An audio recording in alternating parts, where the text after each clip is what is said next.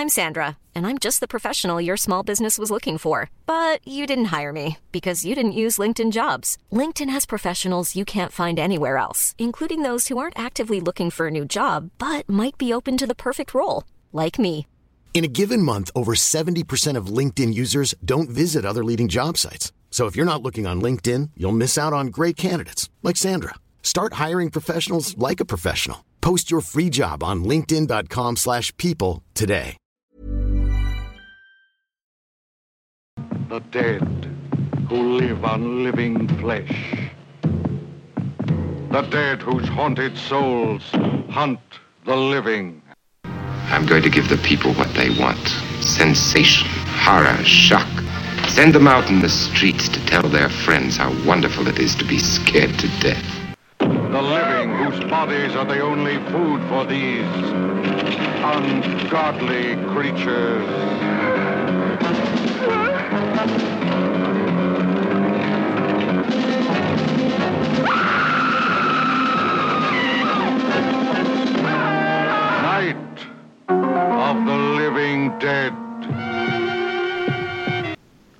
Välkommen till Skräckfilmscirkeln.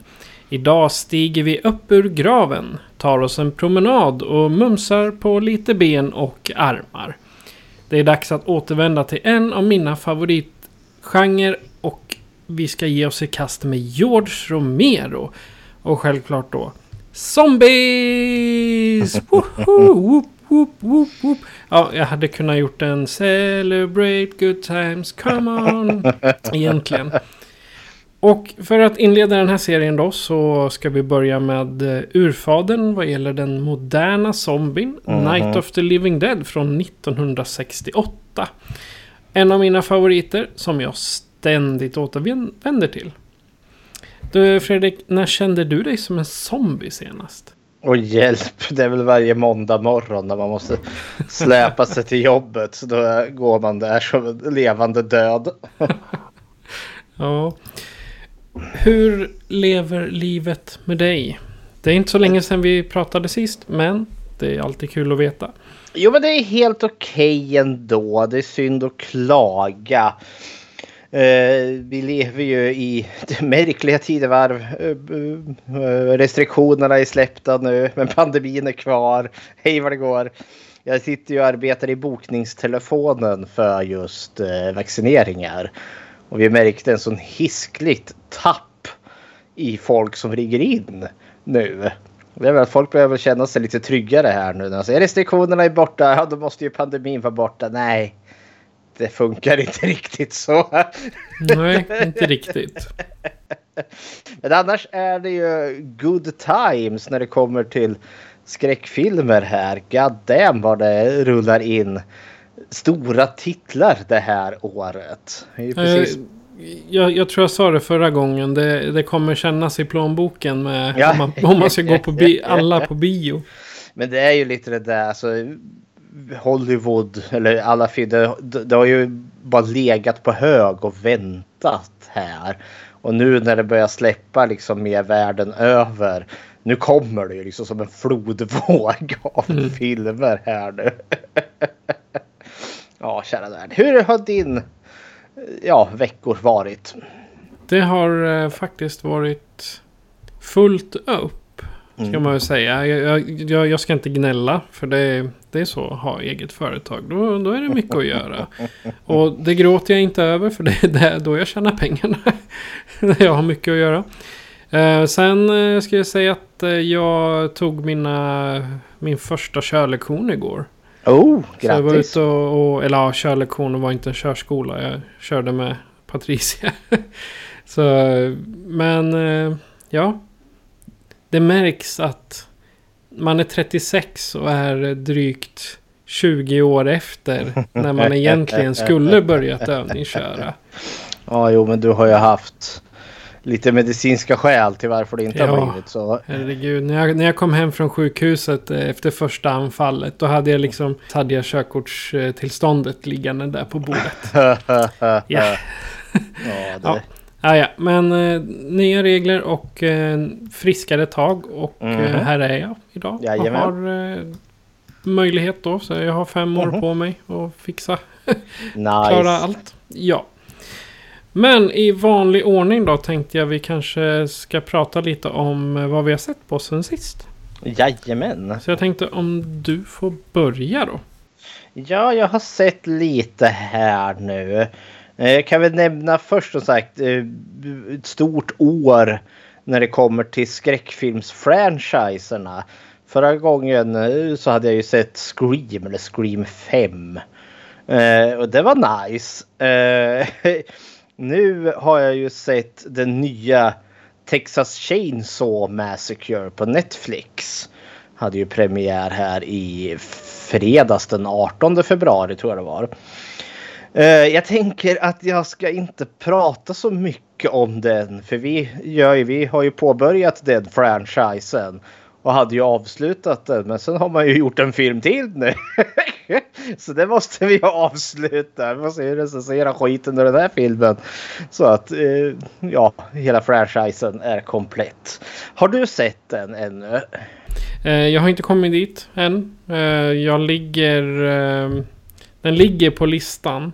Mhm. I listan. Men eh, jag har eh, tittat på annat den här veckan. Eller de- den kom väl typ torsdag den här. Den här. Det, det är söndag nu när vi spelar in. Det kommer, eh, kommer väl på torsdagen tror jag. Fredag? Fredagen till och med ja. Så jag hade inte haft möjlighet att, att titta i alla fall. Nej. Men den är väl... det det är lite snackis om den på forumen där. Folk eh, det verkar vara två läger. Antingen gillar man den eller så gör man det inte. Det är inget mittemellan här. Hell no. Hell no. Men vi, vi har skäl att vänta med den för vi kommer att återkomma med den framöver. Eh, sen har jag sett en gammal going.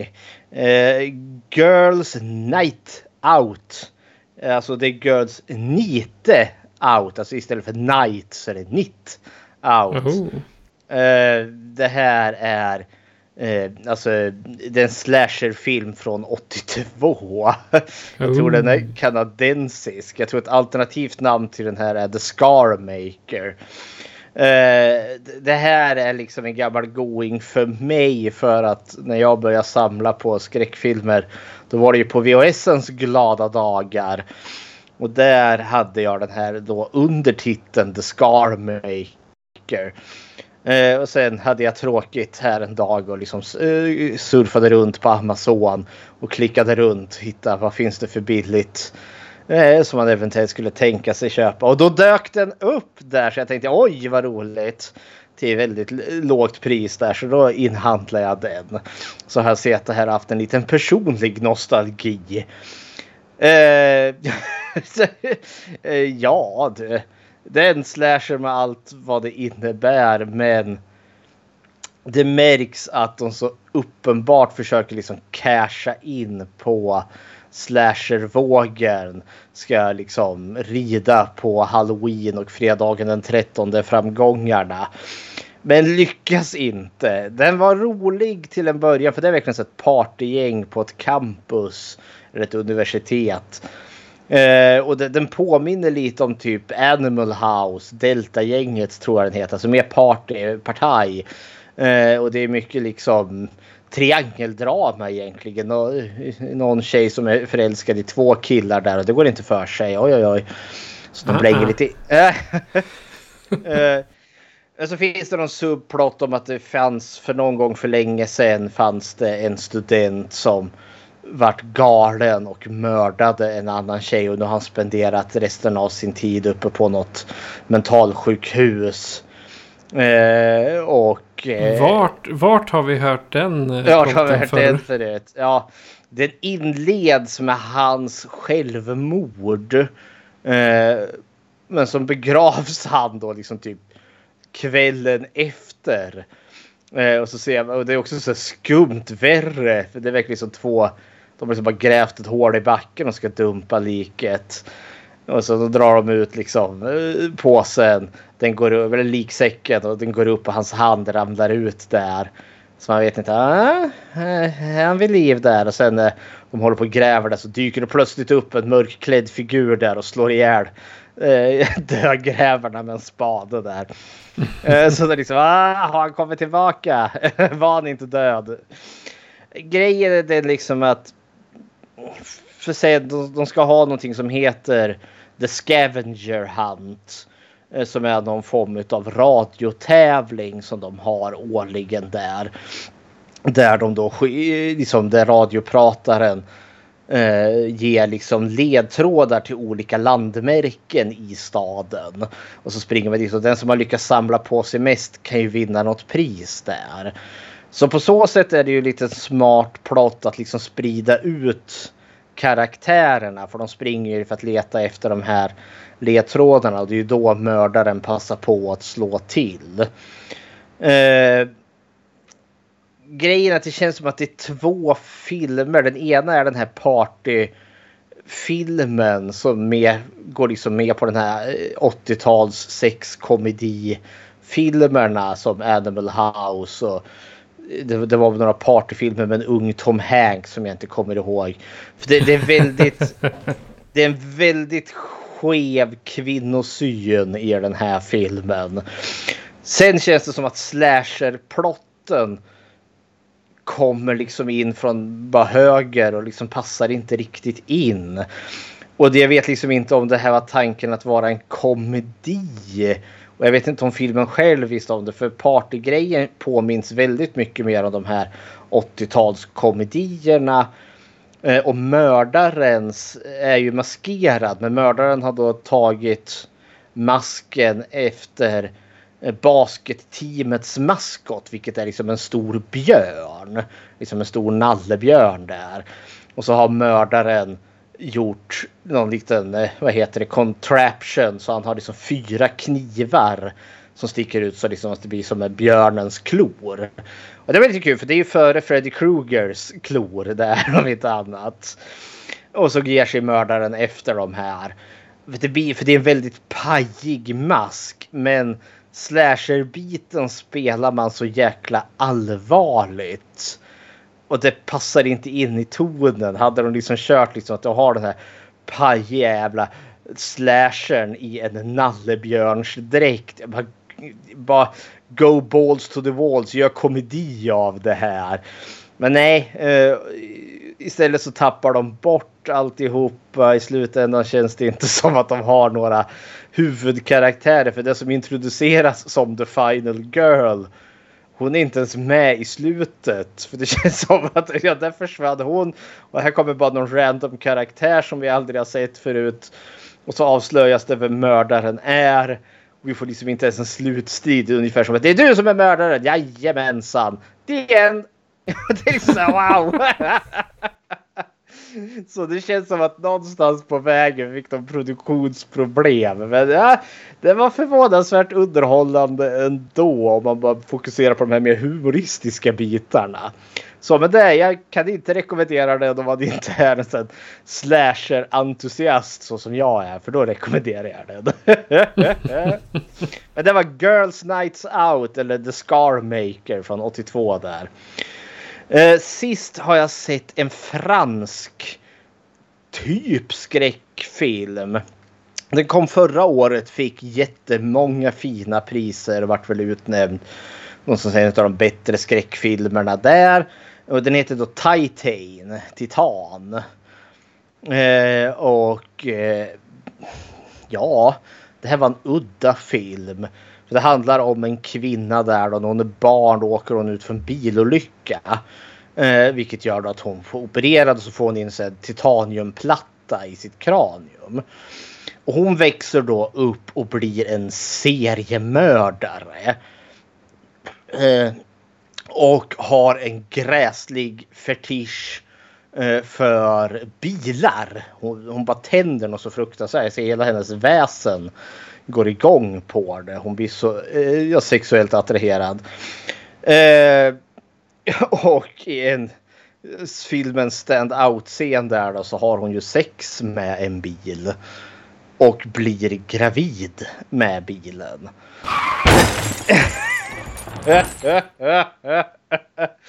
och det här låter ju också som att jaha, say what? Hon har gått och blivit gravid med en bil. Men okej. Okay. Eh, parallellt med det så är hon ju en seriemördare och hon begår ett mord som går käpprätt åt skogen. Där ett av offren kommer undan. Så hon måste ge sig på flykt. Och när hon flyr Eh, hon försöker fly från flygplatsen där men då är det ju poliser som är där och bevakar och då ser hon ett nyhetsinslag om en pojke som var borta, som försvann när han var tio år. Och så görs då det en, en reducering eller en age up. Ungefär så här skulle han se ut idag. Och den pojken är ungefär, alltså om hon ändrar lite i sitt utseende så skulle hon kunna se ut som honom. Och det är precis det hon gör. För att på så sätt då liksom maskera, hålla sig gömd från polisen. Och kommer ju då till den här pappan till den här pojken som då är brandmanschef.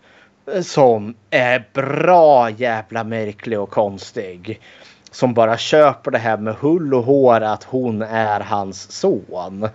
Eh, men ja, eh, hon, hon lindar ju sig själv för att liksom få, få en platt bröstkorg. Men hon lindar ju också magen. Hon är ju gravid och magen växer något fruktansvärt snabbt. Eh, och det sker konstigheter. Det blir body horror. Hon kliar sig sådant så hon kliar hål på magen. Och när hon ser hålet och skiner det ju genom metall. Ungefär som lacken på en bil.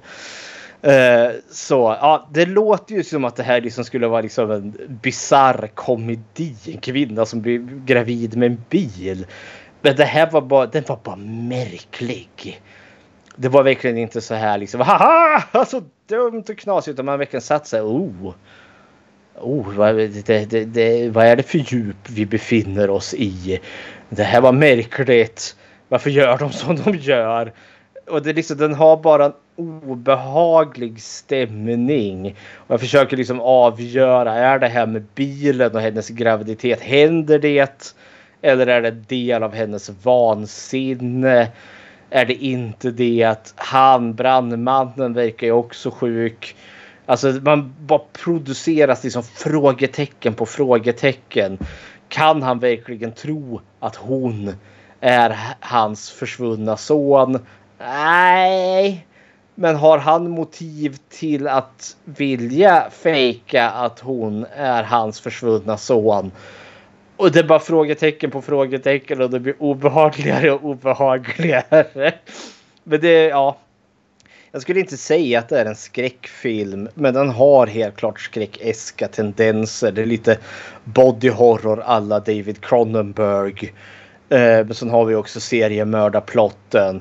Men mest handlar det liksom om någon form av psykologiskt drama om två seriöst trasiga och sjuka individer. Varav den ena har blivit gravid med en bil. när, du, när du berättar det där då kom jag på att tänka på Fredrik Bourdain. Bourdain kanske han hette. Han var ju alltså serie seriebrottsling. Alltså han, han åkte runt till folk och sa som han, som han visste hade förlorat ett barn. Oh. Alltså det kanske hade försvunnit. Och då kom han fram och bara Hej mamma! Så det, var, det här var från 2012. Då var det en... Ja, en det, det, finns det inte en dokumentär, The Imposter?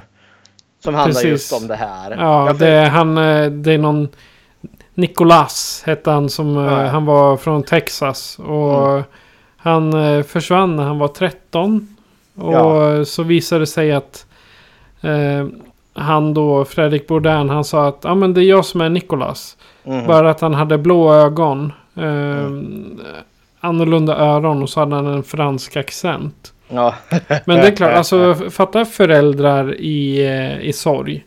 Hur, eh, när, när det kommer en och säger hej jag är eran son. Var det inte det också att i, i efterhand har det ju hintats något fruktansvärt om att föräldrarna mycket väl visste att det inte var deras son. Men gick med på det här skådespelet för att de med största sannolikhet har dödat sin egen son och gjort sig av med honom. Förmodligen medvetet eller i någon olycka så blir de indragna i den här jävla härvan. Och måste liksom spela med för att de har någonting att dölja dem också. Ja.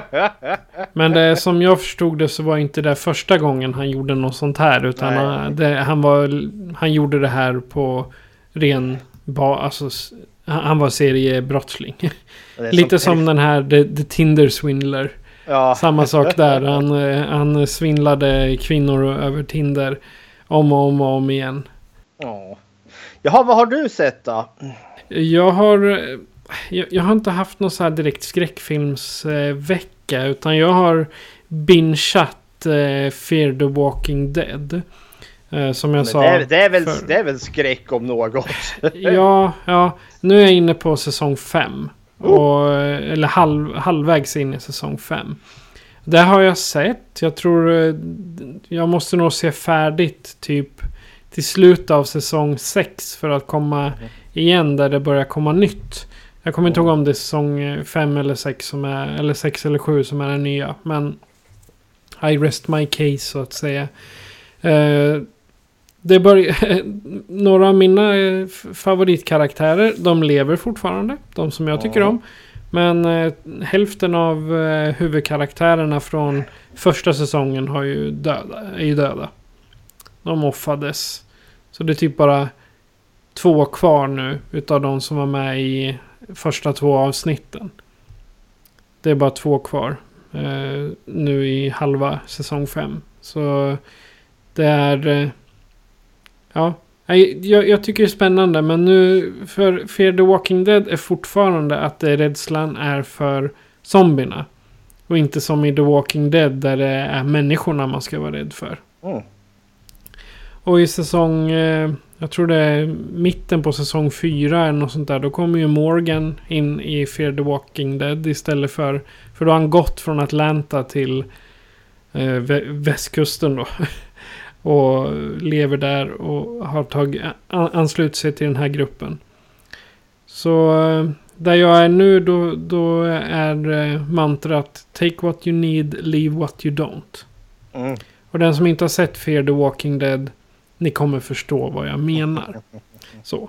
Men det, det, det blir så knasigt en del saker och en del är väl rent av lite onödigt över, eh, övernaturligt eller inte naturligt överhuvudtaget. Så. Men men, det är eh, Fear the Walking Dead och fortfarande det, den finns på HBO Max. Där jag tog erbjudandet om halva priset resten av livet. Så det, det, det släpper jag inte, jag lovar. Det, det är värt det. För det finns mycket annat skoj också utöver The Walking Dead. Så. Yes. Ja.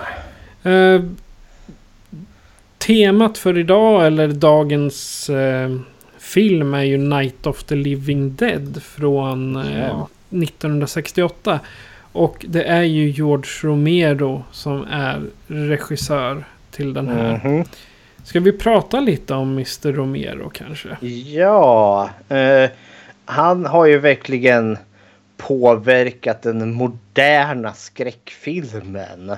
Och framförallt liksom zombiegenren är väl han liksom.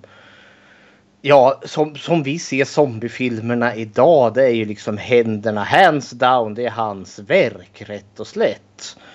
Eh, grejen är väl den att han har inte gjort så jättemycket alltså under sin filmkarriär. Jag tror han bara har typ så här 27 titlar som han har regisserat. Men 23 faktiskt. 23 till och med då. Men han, han har, många av dem har liksom varit väldigt vi, många är liksom stand out och sen går det ju liksom inte att sticka under stolen. Liksom han är zombien, liksom the godfather of the dead brukar väl han kallas. Eh, han föddes den 4 februari 1940 i New York. Eh, så han är född amerikan men han kommer senare sen att utvandra till Kanada. Och han var väl i grund och botten inte direkt tänkt att han skulle göra en alltså filmregissörkarriär. För om jag förstod det här rätt så var han mer liksom han, han, han skrev filmmanus och han var vad heter det klipptekniker. i grund och botten. Men sen gjorde ju han, det är väl hans andra film, The Night of the Living Dead. Eh, gjorde ju han och några vänner där. Och sen är resten historia.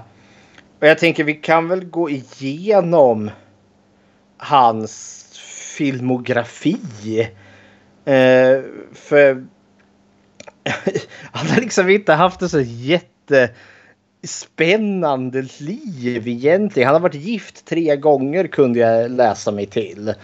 Eh, men annars har det liksom inte varit så stora utsvävningar eller liksom så annat spännande exceptionellt. Jag tänker när vi, när vi pratade om Christopher Lee. Där fanns det ju hur mycket som helst. Jag menar herregud, han, han stred i andra världskriget, han jagade nazister, han var spion. Han var liksom, det fanns liksom, eh, han liksom föddes liksom adligt. Eh, han eh, dejtade, eh, eller han fick nobben utav eh, om det var Danmarks kung att gifta sig med någon högadlig tjej där. Det är liksom, oh, vad mumsigt det finns så här. Men med George Romero är det liksom, ja men han verkar vara en hygglig kille. Han var bra på det han gjorde. Han gifte sig tre gånger, sen dog han. Det är liksom så här, ja, okej, hepp. han vart ju, eh, han vart ju rätt så gammal, 77 bast. Ja, han dog väl. När dog han? 2017. Ja, han dog i lungcancer om jag förstod det rätt. Ja. Ja, men han började ju redan 1962 där så kom det ju något som heter Expostulations. Jag har aldrig hört talas om det, men det är en kortfilm vilket brukar vara ganska vanligt. Att man börjar med liksom som någon form av filmskapare. Och det är då hans liksom första titel om man tittar då på eh, IMDB. Sen gick det ju några år och sen kom ju då Night of the Living Dead. Och den slår ju ner som en bomb. Och ja, vi, vi har väl skäl kanske till att återkomma lite mer i detalj kring den. Men den är ju så otroligt trendsättande. Och så otroligt ny och det finns ju liksom hur mycket nördigt som helst Eh, att liksom grotta ner sig. Men vi kanske åter, vi, vi, vi, vi, låter den ligga där och pyra lite. Tills vi kommer in på själva filmen. ja. För sen gjorde han två filmer efter det. Någon som heter There is always Vanilla. Jag har ingen Ja, det, det finns alltid vanilj. Ja. Jaha. Ja, det gör det. uh, en ung man återvänder till sitt hem i Pittsburgh och flyttar in hos en äldre kvinna som han börjar eh, anförtro sig åt för känslig och eh, eller känslo, känslosupport och eh, ekonomisk support. Eh, Judith Ridley som, eh, som är med i eh, Night of the Living Dead har en ah. av huvudrollerna där. Det är hon som spelar tjejen som blir sprängd i bilen där har jag för ja, mig. Judy. Ja, stackars Judy. Nej, men alltså, det är en romantisk komedi och efter det så gjorde han ju någon mer thriller, drama, skräck det som heter Season of the Witch. Uh, happy happy halloween. Shamrock. Uh, det är ju liksom, jag känner bara till de här för jag vet att det här bolaget Arrow Video uh, gav ju ut en box här eh, Eh, med hans eh, fi filmer mellan eh, vad heter det? Night of the Living Dead och Dawn of the Dead som hette Between Night and Dawn. Eh, för den som kommer sen, för den tredje filmen som ingick i den boxen är ju då The Crazies från 1973. Och den är också kul. För där har vi ju det, det, det, är ju en variant på zombiefilmerna egentligen fast utan zombies. Alltså det här är ju mer rage-viruset från 28 dagar senare. är ju väldigt snarlikt i den här fast eh, för i den så är det ju något kemikaliskt utsläpp som kommer som visar sig att det är något biologiskt vapen som den amerikanska militären har gjort. Eh, så början utav den här filmen, eller första halvan, är ju hur folk blir galna. Man blir bara mordiska, bara tar första bästa tillhygge och bara slår ihjäl personen som står bredvid dig. Så det är första hälften. Andra hälften är ju när militären kommer in och ska mörklägga alltihopa. Eh, och de är ju då skrupelfria. För det, det, de, det är ju brända jordens taktik här. Den här staden ska jämnas med backer. Ingen ska överleva. Eh, så det blir ju liksom huvudhotet där. Då. En stat som liksom experimenterar på sin egen befolkning och sen gör och håller det liksom då lite i skymundan. Och dels också för att de har fuckat upp något så fruktansvärt. Eh, och det här känns... Har du sett The Crazies? Eller mm, remaken? Alltså jag, jag, känner igen... Eh, jag känner igen The Crazies men jag, jag minns inte. Det, fin det finns en remake också sa du? Ja. ja som, faktiskt är väldigt, som faktiskt är väldigt bra om jag ska vara... Det är den från 2010 eller? Ja. Mm. jo, det... jag, har, jag har sett den där men jösses vad länge mm. sedan det är. Ja.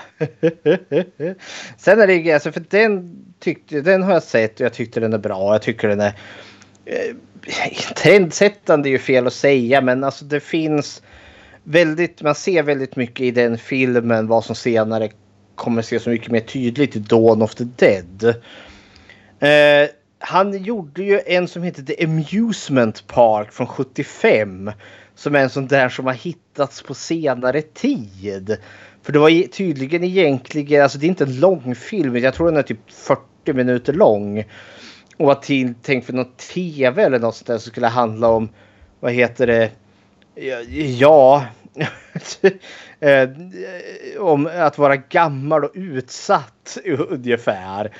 Eh, och det, det fanns väl liksom någon form av Eh, alltså det skulle vara liksom mer i utbildningssyfte. Men hans skräckfilms regissördrag var nog lite för tydliga. För det, det är verkligen någon stackars berättelse om någon man som blir liksom trakasserad på något tivoli. Det här är helt hysteriskt. Han eh, gubben, gubben som blir trakasserad. Han eh, kan jag förstå eh, kände sig gammal. För när han dog 2009 så var han 106 år gammal. Oj, awesome. Men jag just det, Amusement Park, den är ganska nyligen upptäckt eller restaurerad. Den har inte funnits i omlopp förrän bara för några år sedan. Så det är lite awesome. Mm. Har jag fel här då får ni väl avrätta mig i kommentatorsfältet här.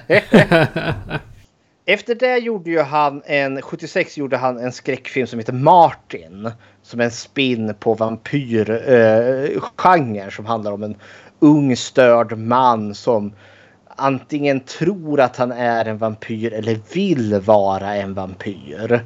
Men han är ju inte det. Eh, så det handlar mest om hur han far omkring och drogar unga kvinnor. Eh, och sen han skär dem med rakblad så att han kan liksom dricka deras blod. Och det är en ganska obehaglig film. För det är liksom, han ska ju vara greve Dracula med allt den här skärmen och liksom Dracula som kan hypnotisera sina offer. Men han är ju inte det utan han är ju en patetisk jävla loser som inte kan kommunicera med folk.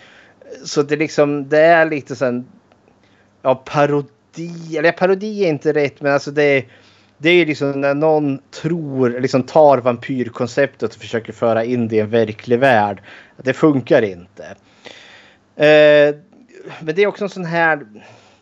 Det är mest liksom genrefansen som liksom jagar de här filmerna. För det är liksom ingen stor kommersiell liksom eh, i det allmänna medvetandet. Men sen 78 då, då kommer ju Dawn of the Dead. Ja.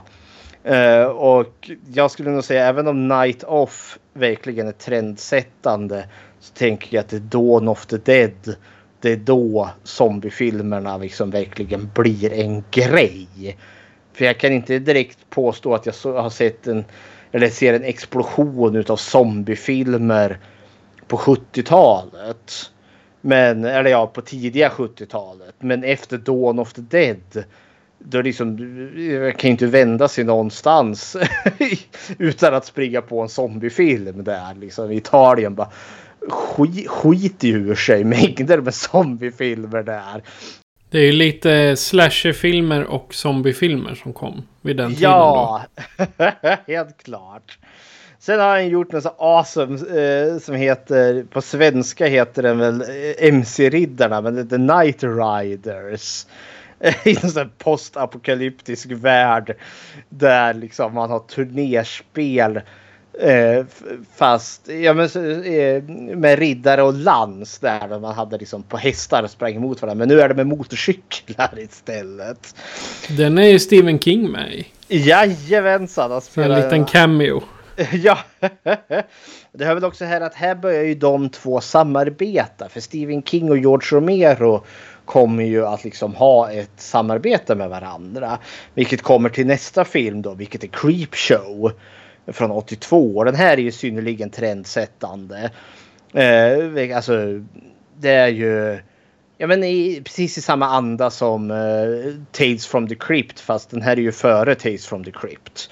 Och det är ju då en filmatisering utav tre kort, nej fem kortnoveller utav Stephen King som då hade producerats som en serietidning innan. För Stephen King i sin tur var ju en stor fan av de här Easy Comic.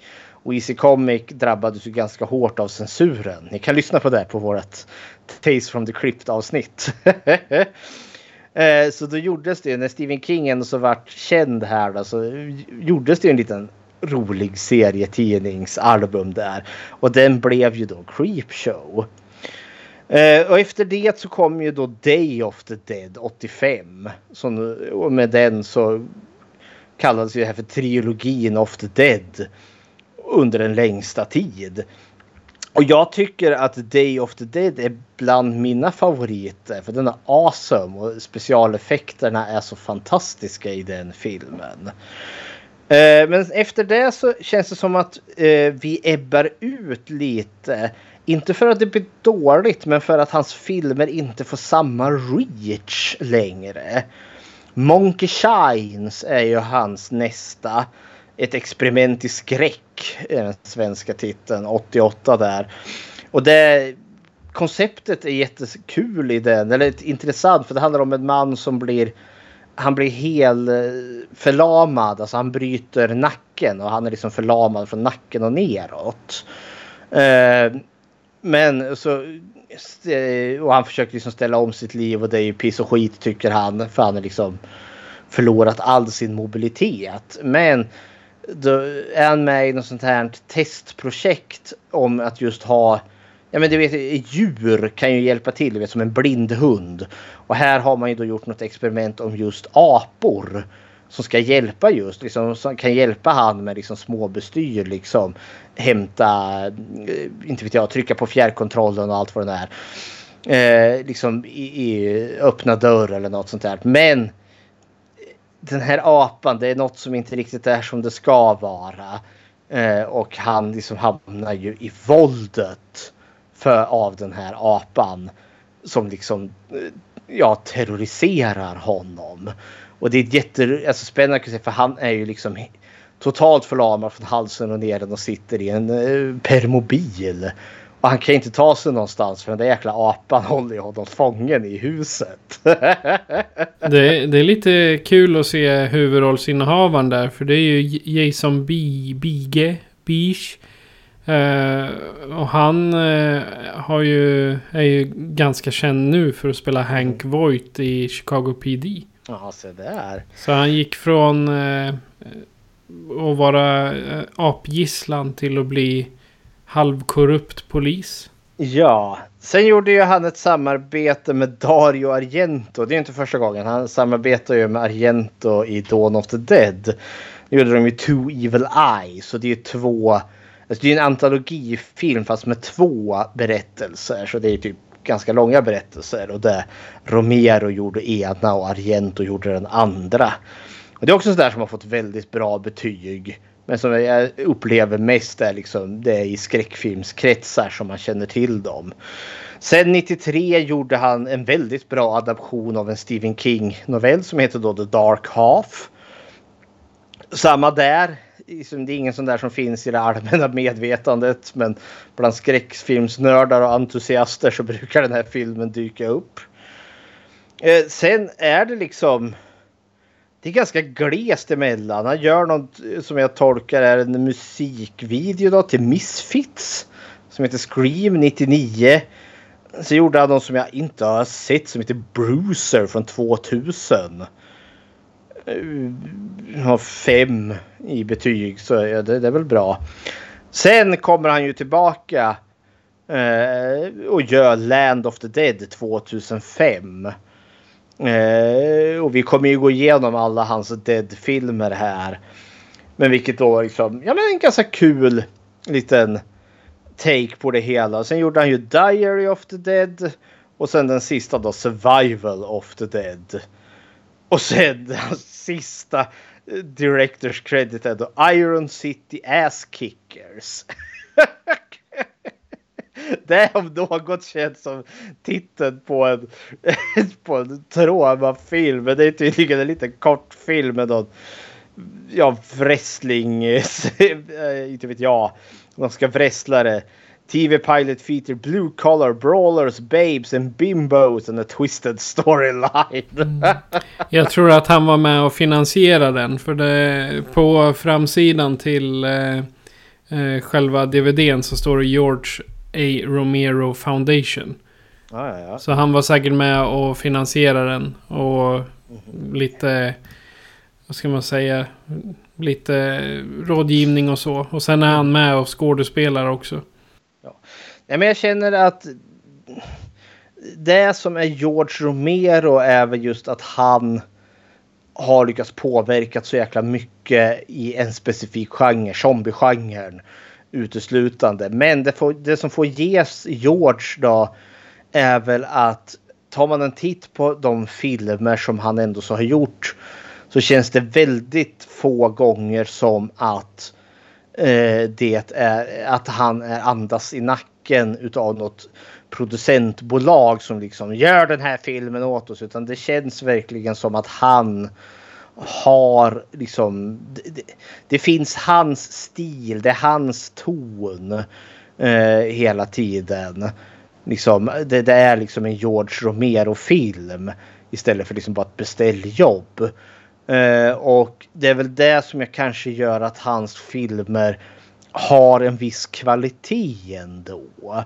Jag ska ju villigt erkänna att det är de sista, de här Diary and Survival of the Dead är väldigt tama och fattiga om man nu ska jämföra. Men alltså Romero har ju verkligen ett sinne för eh, satir. Han har väldigt mörkt sinne för humor. Och samtidigt är han har han ju också liksom fingrarna på pulsen. Det finns ju en viss samhällskritik i hans filmer. Så har han väl själv sagt att ja, nej men det kanske inte är så medvetet från hans håll utan det är folk som har tolkat in det i hans filmer. Nja, Nej, jag tror det. Jag litar inte riktigt på Romero där. Jag tror nog att det är ganska medvetet. För det är ju... Men som sagt också att han eh, började ju inte som regissör utan han började ju som manusförfattare. Vilket gör ju att han har, han är också varit involverad i en hel del ut, ja, de här filmerna han själv har regisserat och liksom varit med och manusförfattat. Vilket gör liksom och han är bra på det också för hans filmer är ganska genomtänkta och smarta. Och samtidigt känns det också som att han vet liksom när han ska vara smart. Och han vet när han ska vara cheesy. För jag tänker fantastiska Creepshow.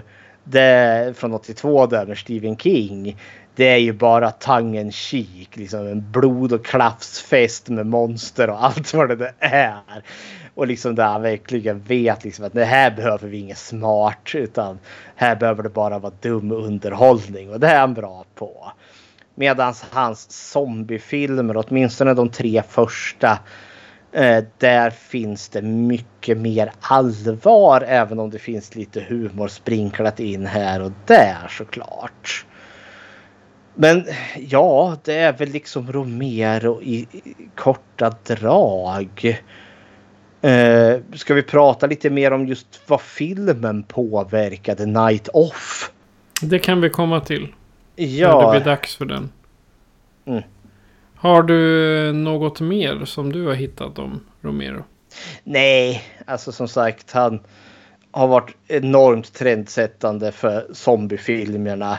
Det, det är sällan man liksom kan se liksom att en sån specifik startdatum till en specifik person. Men ja, hepp hepp. Här har vi det. Ja. Jag, jag, jag kan tycka att eh, utan Romero hade vi fortfarande haft den här zombien som är i typ White Zombie. En slav-zombie och inte en som vill äta upp dig. Typ så. Ja, för det här är ju verkligen starten för kannibalzombien. Eh, som måste bli skjuten i huvudet eller hjärnan måste förstöras. För innan var ju verkligen zombierna någon där det finns en zombieherre, en trollkarl, en voodoo-mästare som styr de döda. Va? Liksom, eh, för zombisarna här har ju faktiskt någon form av egen agens i och med att de vill äta folk och släpar sig omkring. Det gör de inte i, de, i zombiefilmer innan de här utan då är det alltid någon ondskefull herre eh, som styr dem från skuggorna. Så hepp hepp. Ja. Men det var i alla fall eh, lite eh, intressant om eh, Romero. Mhm. Det är ju allt, alltså. Han är, han är en, en, en, en trendsättande regissör. Och utan Romero hade vi inte haft The Walking Dead. Eller eh, vi hade nog inte haft 28 dagar senare heller. Utan, men så är det. Men då kan vi ju traska vidare då till eh, filmen Night of the Living Dead från 1968. Regisserad av George Romero. Så här kommer en trailer. The dead who live on living flesh. The dead whose haunted souls hunt the living. The living whose bodies are the only food for these ungodly creatures.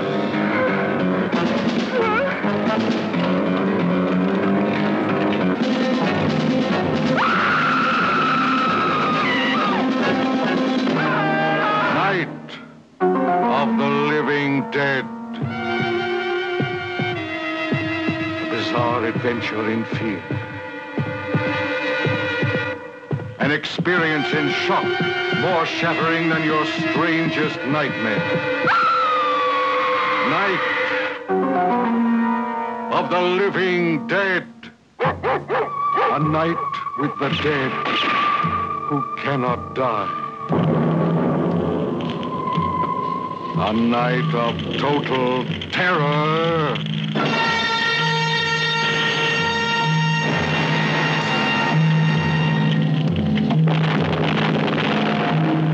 Night.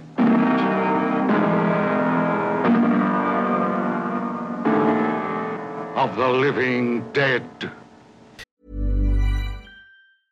Mother's Day is around the corner. Find the perfect gift for the mom in your life with a stunning piece of jewelry from Blue Nile. From timeless pearls to dazzling gemstones, Blue Nile has something she'll adore. Need it fast? Most items can ship overnight. Plus, enjoy guaranteed free shipping and returns. Don't miss our special Mother's Day deals. Save big on the season's most beautiful trends. For a limited time, get up to 50% off by going to BlueNile.com.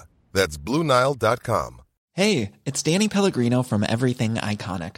Ready to upgrade your style game without blowing your budget? Check out Quince. They've got all the good stuff shirts and polos, activewear, and fine leather goods, all at 50 to 80% less than other high end brands. And the best part? They're all about safe, ethical, and responsible manufacturing.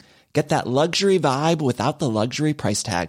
Hit up quince.com slash upgrade for free shipping and 365 day returns on your next order. That's quince.com slash upgrade.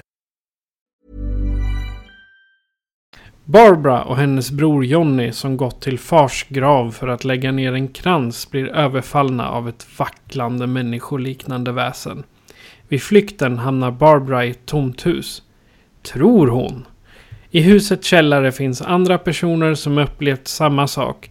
De barrikaderar sig i huset. Det blir en kamp på liv och död. Där levande och de levande riskerar att dö. Det är plotten till eh, Night of the Living Dead. Eh, regisserad av George Romero från 1968. Som ännu idag är en milstolpe inom eh, genren. Och det har, har varit en inspirationskälla för väldigt många skräckfilmer. Vad är dina initiala tankar Fredrik? Mina initiala tankar, alltså då, eh, Night of the Living Dead. Alltså jag slås ju när man ser om den här, alltså jag är ju uppvuxen i en tid då zombien alltid har varit Romero-zombien. Jag liksom har inte känt till en annan verklighet innan Romeros zombies fanns. Eh, för det är ju som snarare att man går bakåt i tiden och tittar. Ja men typ som White Zombie som vi nämnde där. Eh, liksom hur annorlunda det känns. Med zombies som inte äter folk. Men zombie som inte, zombiefilm som inte är en apokalyps. För det är så fantastiskt just att se starten. Hur allt liksom trendar från den här filmen. För vi kan ju räkna upp det liksom. Vad finns med i en klassisk zombiefilm? Ett, jo du har ett, de levande döda som äter de levande. Eh, två, du kan besegra zombien med att förstöra deras hjärna. Ingenting annat tar knäcken på dem. Eh, tre, deras bett är smittsamt. Eh, fyra, vi möter en grupp människor som försöker överleva. Eh, och eh, eh fem, i den här gruppen kommer det alltid finnas någon som arbetar emot gruppen. Människorna blir nästan allt som oftast det större hotet mot varandra än vad zombierna blir. ungefär som de sista säsongerna i The Walking Dead. Ja, sex. Det här är så kul grej som jag ska se om vi nu ska gå igenom alla zombiefilmerna här eller Romero zombiefilmer. Som jag undrar är en sån här grej. Det finns alltid en exploderande bensinmack. Eller någon bensinstation som går åt skogen. Eh, som jag känner eventuellt en liten start med den här filmen. Så det här är ingenting som jag direkt har belägg för. Men jag har sett och funderat där liksom, när jag har sett så många zombiefilmer. Hur många gånger har inte jag sett en exploderande bensinmack i en zombiefilm? Sju då, det är en apokalyps. Det är inte så här liksom ett lokalt litet utbrott i en liten sömnig småstad utan det är alltid något som påverkar ett helt samhälle. Eh, och så är det ju i den här filmen också. Och det är så otroligt liksom att allt det här nu bensinmacken är väl den inom situationstecken här. Men allt det här finns ju i den här filmen. Och det är liksom så roligt att se för liksom att allt kommer från den här filmen. Så det är liksom när man återvänder och ser den här så sitter jag alltid där och liksom myser lite. Ja, det var här det startade. Precis lite som Halloween-filmen där man får alla klassiska slasherfilmsdrag. Med mördaren som inte dör och med Myers liksom. Med, eh, som typiska drag med Final Girl-tråpet. Det är också så kul att se. Ja, det här kom det. Och det är exakt samma med, eh, med zombierna i Night Off. Ja, nu fick jag nörda på lite här. Men vad, vad är dina initiala tankar kring Night Off? Alltså Night of the Living Dead är min favorit skräckfilm. Mm. Eh, jag är ju zombieälskare. Ja. Och det, det vet alla, för det har jag sagt i 92 avsnitt nu. Och just Night of the Living Dead är den här... Den är inte överdriven om man jämför med... Eh, säg 28 dagar senare. Där eh, i och för sig zombierna där är ju bara arga. Men mm. eh, den är överdriven för där går det över natten att boom, hela, hela världen bara går under. Mm. I Night of the Living Dead så kommer vi liksom in en stund efter att det här utbrottet har varit. Bara det att det enda de säger på tv är liksom Ja men vi måste berätta det vi vet. Vi kan inte prata om någonting annat. Ja men vi vet att det är så här. Nej vi måste berätta det vi vet. Ja, vi vet att eh, jorden är på väg att gå under på grund av att de döda går igen. Eh, det var i början av den här filmen så jag kände så väl igen hur det var när coronaviruset kom. Det var liksom eh, delade... Eh, det, det kom olika bud från olika ställen. Och sen då till slut så, för där mitt i Night of the Living Dead så sitter ju tv, ja, vad han nu är, tv-ankare och berättar rakt ut att det här vet vi, det här har vi fått rapporter från där och där och där. Och det tog väl ett halvår innan världen kunde, kunde göra samma sak gällande coronaviruset. Det som är lustigt med den här filmen är ju om man nu ska jämföra med andra zombiefilmer är ju att närmare slutet av den här filmen så känns det ju mer som att man faktiskt har zombieapokalypsen under kontroll. Det går ju mer åt i människornas fördel här. Så den här apokalypsen, det är ungefär mer snarare så att man blir tagen på sängkanten men sen har de ju det här under kontroll. Och det skiljer ju sig lite från framtida zombiefilmer. För där är det ju nästan alltid samhället som antingen håller på att gå under eller har gått under. Men jag tänker också den här filmen startar ju också lite den här just eh, när apokalypsen kommer, när samhället kollapsar. Eh, då är det liksom verkligen alltså, typ sån här survival-skräcken. Vilka ska överleva, vilka ska inte göra det? Eh, och just också att alltid är människan som är det större hotet. För människor är osympatiska och elaka. Eh, och kommer liksom att gå över lik för att sätta sig själv i säkerhet.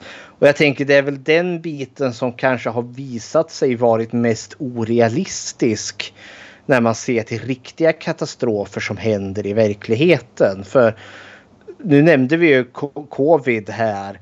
Men jag tänker bara den mängd utav folk som ställde upp för exempelvis gamla här nu som vart då liksom eh, vart isolerade för man kunde inte gå ut och köpa mat i butiken på grund av att du kan bli smittad.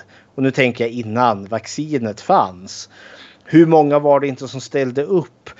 Liksom när katastrofer händer då får vi liksom egentligen mer se prov på att människan hjälper. Vi är mer sympatiska. Och jag tänker de här filmerna spåla, visar väl kanske fram en, liksom en rädsla som vi har gentemot varandra. Att vi inte kommer funka i en krissituation. Att vi kommer klättra på varandra. Vi kommer mörda varandra för egen vinnings skull. Men verkligheten har visat sig vara annorlunda. Även om självklart de som försöker dra nytta utav katastrofer också finns där. Och de som jag bara ställer till det Det kommer alltid finnas där i en olyckssituation. Men ja, ja, hepp. Nej, det är fascinerande hur mycket den här filmen är liksom ground zero till. ja, jag skulle säga att eh, den här visar på eh, som jag alltid har sagt. Det är inte bara själva det här att en, eh, ett muterat virus gör så att vi börjar äta varandra. Det är inte bara det zombiefilmerna handlar om. Utan jag ser zombiefilmerna som att det skulle lika gärna kunna vara att vi blir invaderade av ett illasinnat land. Eller att det kommer en flodvåg. Och så, eller rabiessmittade eh, kolibrier som kommer och biter oss allihopa. Ja men coronaviruset visade klart och tydligt tecken på. Det var, det var som att se en zombiefilm när det sakta men säkert drog in över världen. För om man går på alla zombiefilmer så är det alltid att det börjar någonstans, något litet ställe. Uh, vi, vi kan ju ta uh, World War Z exempelvis. Mm -hmm. Där börjar det ju på någon, jag vet inte om det är ett labb eller uh, vad det är, jag kommer inte ihåg. Det börjar på någon liten, liten hörna i alla fall. Och sakta men säkert så kryper det ut över hela världen. Och så, så hör man liksom Hello, anyone there? Jag tror det är i slutet när de hittar någon radio någonstans. Med. Det är liksom, och då är de, de rika eller de som eh, har fördelar som kommer undan i skydd på en gång. Som i World War Z, eh, Brad Pitt och hans familj, de får ju komma ut till någon forskningsflotta eller någonting tack vare att de känner någon snubbe där. Ja. Och jag tänker det är väl också vad den här filmen introducerar för liksom zombierna är ju onekligen ett hot här men det som kanske är det större är ju liksom den här rädslan om samhället som kollapsar. Eh, för det finns ju med i den här också med det här liksom medborgargardet som är, och polisen de är ute och liksom krishanterar här och skjuter zombies. Spoiler alert, det går ju inte så bra för våran huvudperson just tack vare dem. De blir ju inte räddningen, de blir ju hans undergång. Jag tänker att det är också lite vad de här filmerna också handlar om.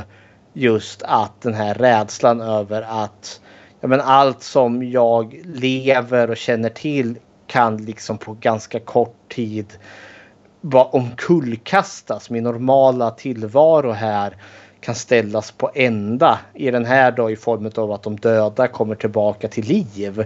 Men det finns ju en viss liksom korrelation till verkligheten. För vi såg ju hur snabbt coronan kunde få liksom samhället att ställa om. Och då har ju det varit ganska milt. För jag tänker liksom då som, ja men nu när Ryssland håller på och hotar Ukrainas gränser där. Förstå där liksom att vara i en sån situation när kriget plötsligt kommer. Ja då allt man känner skulle ju vändas på ända och jag, här sitter vi i Sverige och vi har liksom inte haft krig på över 250 år och det hoppas jag att vi kommer att få slippa. Men bara just för att tänka att det är som allt jag känner till i min normala lilla vardag. Ja men som att sitta på en sån här lyx. Att sitta och spela in en podd där vi pratar om en skräckfilm som vi har sett på film. Och nördar om det. Att det är liksom, ja men det är min vardag. Men sen plötsligt vänds allt upp och ner. Jag måste kanske fly för mitt liv.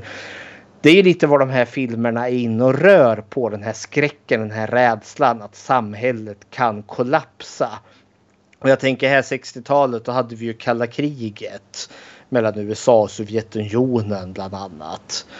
Och det finns ju fortfarande kvar så zombiefilmerna sätter liksom någon form av fingret på pulsen över liksom vår rädsla för samhällets kollaps.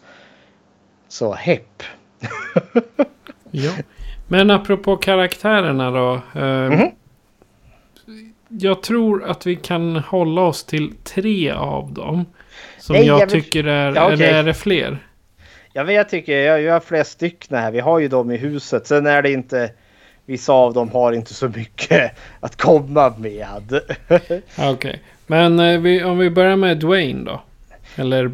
Eh, ja. Ben heter han ju. ja, men jag vill spara honom för han kommer ju in lite sen. Han är ju våran huvudperson. Ah, ja, okej. Helt klart, men Ja, vi tar honom sist då. han kommer lite senare här. För vi, eh, jag vill börja med Barbara. Ja, just det. ja, Judith O'Dean.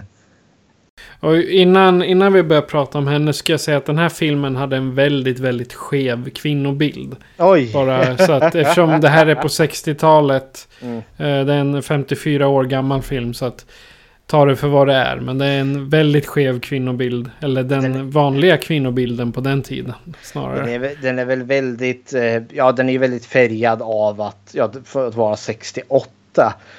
Vi har ju Barbara här då. Hon är ju lite introducerad som våran huvudperson egentligen. Eh, Även om jag nu skulle säga här i slutändan hon inte är det. Utan att det är Ben som senare är huvudpersonen. Och hjälten. Och hjälten. Även om han nu är lite shady han också. Men Barbara. Eh, ja, alltså hon är ju. Jag, jag vet att eh, Barbara lätt liksom placeras in i det här det värnlösa våpet. Vilket jag, jag, kan förstå över hur jäkla passiv hon blir under en ganska rejäl bit av den här filmen. Men jag vet inte, jag, jag är en sån där, jag, jag är en sån där som är ute och försöker försvara Barbara. För jag tycker Barbara är ganska, alltså jag, jag vurmar för Barbara här. Om inte annat bara för att vi har den här liksom klassiska “They are coming to get you Barbara”. När hennes douchiga bror där eh, håller på. Nej men alltså hon, hon känns som att hon försöker vara en väldigt godhjärtad kvinna men hon känns väldigt mycket som en form av husfru i 60-talets Amerika. Och hon känns också som att hon väldigt liksom, ja men det här, här känns det väldigt patriarkalt. Om jag ska säga det så. Hon behöver liksom en stark rejäl man som kan liksom styra och ställa i hennes omgivning. Och hon låter ju sig hunsas också utav det här, ja, hennes douchiga bror Johnny där. För han är ju ett praktarsel av rang. Jag försöker... Ja, eh, men samtidigt hon blir ju ganska rejält traumatiserad utav zombien där. Som jagar henne och hon kommer liksom till huset och hon liksom blir liksom försatt i något form av permanent chocktillstånd. Och vi spenderar ju ändå så kanske filmens första 20-25 minuter med henne. Där hon liksom, vi går från kyrkogården till hennes flykt från zombien. Till att hon kommer till huset, den här liksom stugan. Där hon liksom går omkring. Innan Ben kommer och liksom tar kommandot.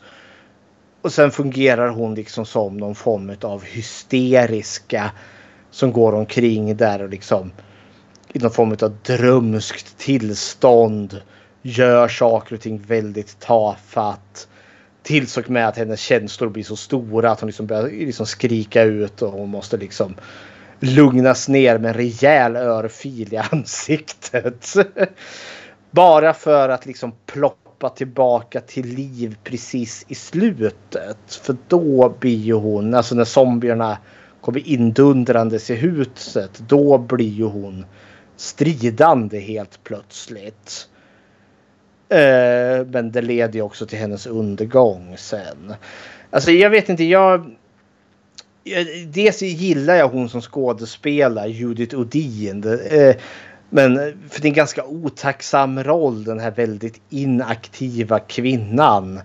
För jag tänker liksom, vi är väldigt vana vid våra final girls här då som tar en väldigt aktiv roll i striden mot monstret. Medan här är ju fortfarande lite mer i den här ja, universal horror begreppet liksom. Det Frankensteins monster klampar iväg med den vackra kvinnan som ligger avsvimmad i hans famn och behöver liksom en redig kar för att rädda henne.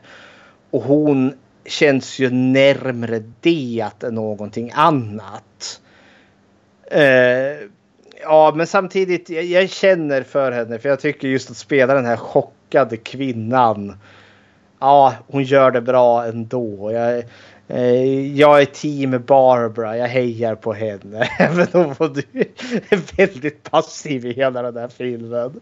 Vad känner du inför Barbara? Du har sagt allt jag känner. Alltså. Nej men jag, jag tycker att hon läggs fram som det här våpet som Ben blir tvungen att rädda. Mm. För hon får sin lilla hysteriska attack där och tycker att ja, det här är hemskt. Han måste ha nyckeln. Och bara mm. skriker och gapar och så svimmar hon helt plötsligt efter att han har smällt till henne. Så mm. typ. Uh, hon uh, gav ju nästan... Äh, hon, hon har inte sådär jättemycket... Eh, vad heter det?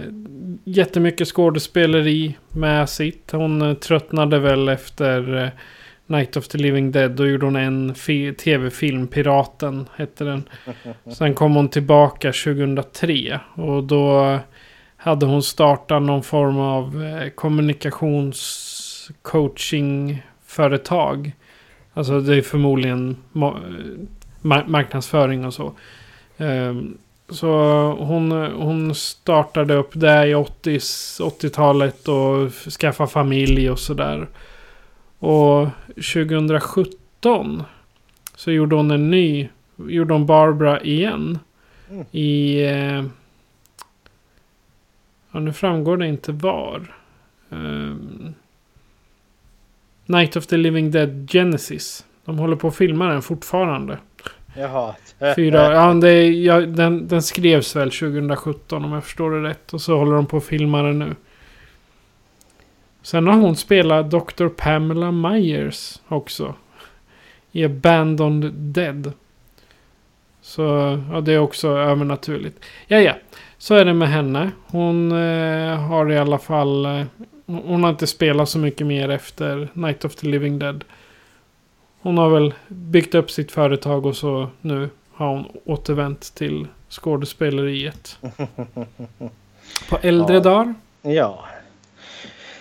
Det liksom känner som hon tillför som kanske blir den här just är i den här liksom överlevnadsgruppen som den här filmen ändå så introducerar just att hon blir ju hon blir ju egentligen ett bekymmer för gruppen i och med att och kanske det är mer som ett etiskt dilemma.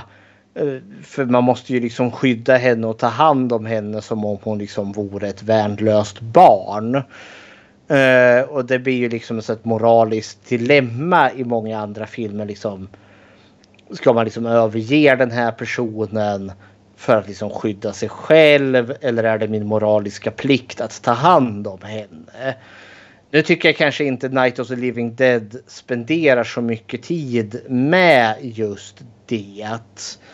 Eh, vilket man hade kunnat gjort lite mer. Men ja, det jag tycker är kul med henne är just att hon, eller jag märker hur själv jag är liksom har, har sett så många skräckfilmer och känner liksom att jag är så van vid att följa en kvinnlig huvudrollsinnehavare. Och det är henne vi följer liksom så intensivt i början. Och att hon liksom skulle få den här Final Girl-tråpen. Men den här filmen är ju före liksom allt det här klassiska Final Girl.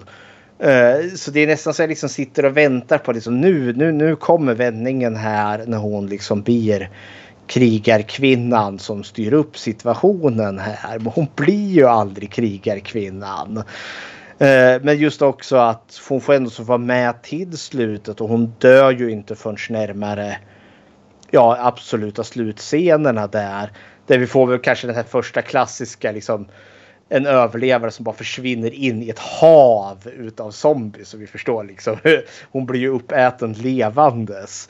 Det är ju liksom klassiskt i, andra, i nästan alla zombiefilmer man ser någon som bara försvinner in i ett hav utav zombies som bara väller in på alla sidor. Så hon är väl först där om inte annat. Ska vi ta Ben nu då? Eh, våran andra, eller våran riktiga huvudperson i den här filmen. Ja, eller Dwayne Jones som, karak- eller som personen heter i verkligheten.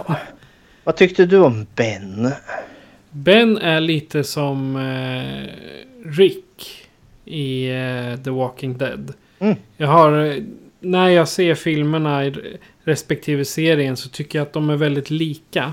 Han, eh, han är van vid att... Eh, ja, han kanske är föreståndare eller någonting på sin arbetsplats. För han vet verkligen så här ska vi göra. Håll käften och följ efter vad jag gör. ja, men det, det är typ så, så, så jag känner det. Utan han, eh, han säger att du ska göra som jag säger för annars överlever vi inte. Och mycket riktigt så de överlever ju när de gör som han säger. Fast eh, de struntar i att göra så och dör. Ja, Så, eh, men jag gillar han för han är den här eh, personen som egentligen inte vill vara ledare för gruppen. Men som liksom känner att om jag måste för de andra är dumma i huvudet. Mm. Typ så. Han- är ju verkligen en stark personlighet som liksom... Eh, Han han är ju hjälten. Det finns ju liksom ett... Mor... Han har något liksom i sig som är den här naturliga ledaren. Eh, och, eh, det, det, och han tar ju liksom ledarsituationen över den här gruppen för det finns ingen egentligen där och han har ju ett moralpatos som gör liksom att man, man överger inte folk. Eh, medans, för det finns ju en motståndare där som utmanar hans auktoritet. Eh, eh, vilket är då elakingen i den här. Men alltså, jag gillar Ben av flera olika anledningar. Dels är ju han är den här handlingskraftiga mannen och de försöker liksom genuint göra lösningar på problemet för att ta sig härifrån. Han barrikaderar och allt det där och jag tycker om det. Han är liksom strategiskt lösande. Han liksom argumenterar eh, ganska hårt får man väl erkänna. Han är ju, inte, är ju ganska villig att ta till våld. Både när det behövs och när det inte behövs. ja. Men eh, ja, det är också det att det är så svårt att veta. Är det rätt val? Det är det som också är spännande med det här. Gjorde de det bättre eller gjorde de det sämre? För de ändå så försöker han är sån han vill agera medan hans motståndare vill ju bara vara passiv. Vi gömmer oss och håller tyst. Och i slutändan så kan man ju fråga liksom vem hade rätt? Eh, den andra aspekten är ju just att Dwayne Jones är en mörkhyad man. Han var den eh. första mörkhyade mannen som hade huvudroll i en uh, skräckfilm. Någonsin. Ja, och det, och det är inte icke... Det, det, det, är en signifikant del här. Grejen är ju den att eh, karaktären Ben var tänkt skriven som en vit man. De hade väl inte ens tänkt liksom i banor utav hudfärg och sådana saker. Men i slutändan var det ju Dwayne Jones som var bäst tyckte de. Eh, när de gjorde audition och så fick han rollen och man gjorde inte om manus. Eh, för det tas aldrig upp i filmen hans hudfärg. Inte ens elakingen kläcker någon rasistisk kommentar. Och det tänker jag, det är verkligen till filmens fördel och kanske är svårt för oss att förstå kanske hur pass signifikant det här ändå så var. Men det här är ju då 68 mitt under medborgarrättsrörelsen. Martin Luther King där. Man ska komma ihåg att segregationen i Amerika och rasismen i Amerika var ett enormt problem vita och svarta fick ju inte umgås med varandra ens en gång. Och sen då att vi har då en mörkhyad person i huvudroll. Och det gör också för han, han slår ju Barbara i ansiktet vid ett tillfälle. För hon är hysterisk där och bara skriker och har sig. Och det är också för visst det har man ju sett i film förut. Jag tycker James Bond-filmer. Hur många gånger har det inte funnits där där James Bond bara brutaliserar någon stackars kvinna där. Det får en annan nivå i den här filmen för det är just en mörkhyad man som slår en ljushyad blond kvinna. Det är något man be, kunde bli lynchad för liksom i, i Amerika, som i den amerikanska södern. Så det är liksom touch i sig. Men det tas liksom inte upp i filmen. Men jag förstår att det blir lite så oh, oh nej. Bara just för att han är. Hade han varit en vit man eh, och slagit den hysteriska Barbara. Ja, då hade ingen reagerat på det. Det hade varit normalt. Ja. Och sen spoilar att vi spoilar de här filmerna. Ben dör ju i slutet. Och sättet han dör på. Han blir ju skjuten utav den här mobben eller ja, utav det här. Ja, vad är det? Sheriffen och hans glada män som är ute och jagar zombies. Ja. Det känns ju och de misstag. De ser ju hans liksom, skugga, hans siluett i, i fönstret och bara skjuter han på avstånd. Och jag kan liksom inte låta bli att känna att ja, men här får vi ändå så in den här vita män som lynchar en mörkhyad man. Det är väldigt det, för sen får man ju se hur de tar han liksom och slänger han på bordet och bränner han tillsammans med alla andra zombies där. It's another one for the fire. De är liksom så fullständigt likgiltigt inställda inför det. Och där återigen kommer då hans hudfärg in. Känner jag, utan att filmen gör en grej av det. Men för mig blir det så jäkla tydligt just om... Ja. Och det, det är bara till filmens fördel det här. Det tycker jag. Men vi får in så många liksom nyanser och aspekter. eh, Utan att filmen liksom behöver skriva dig på näsan. Och det var aldrig tänkt med filmen att det skulle bli så heller. Nej, och jag hittade en rolig grej här. Det är att eh, Morgan i The Walking Dead. Ja, ja. Hans son Jaha. heter Dwayne Jones. Ja, Men de, eh, de döpte honom till det i Bens eh, ära då. Helt ja men enkelt. såklart. Men jag ska tänka också att eh, för det här är ju 60-tal. Jag vet att Star Trek tv-serien där med William Shatner och gänget där. Där hade du ju karaktären Uhura som var en mörkhyad kvinna som var liksom en del utav huvudrollsinnehavarna där. Och att det var också en stor grej för att där nämns heller henne ald- aldrig hennes färg. Plus också att vi i något avsnitt där så kyss, eh, kysser hon eh, Captain Kirk. En sån passionerad kärlekskyss. Och det var också den första gången man fick liksom, en kyss på tv mellan en mörkhyad person och en ljushyad person. Så för oss liksom här 2022 Sverige är ju det här liksom en icke-sak. Men då var det en stor sak.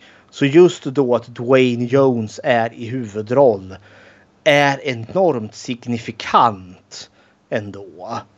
Han var ju de, dessutom... Eh, eh, han hade en dok, ett doktorat. Eller han var doktor inom teater. Oj! Så han var för head eh, öv- över för Ja, det är mo- motsvarande där vi har när vi pratar om samhällskunskap och eh, naturprogram och det kommer jag inte ihåg inriktningarna.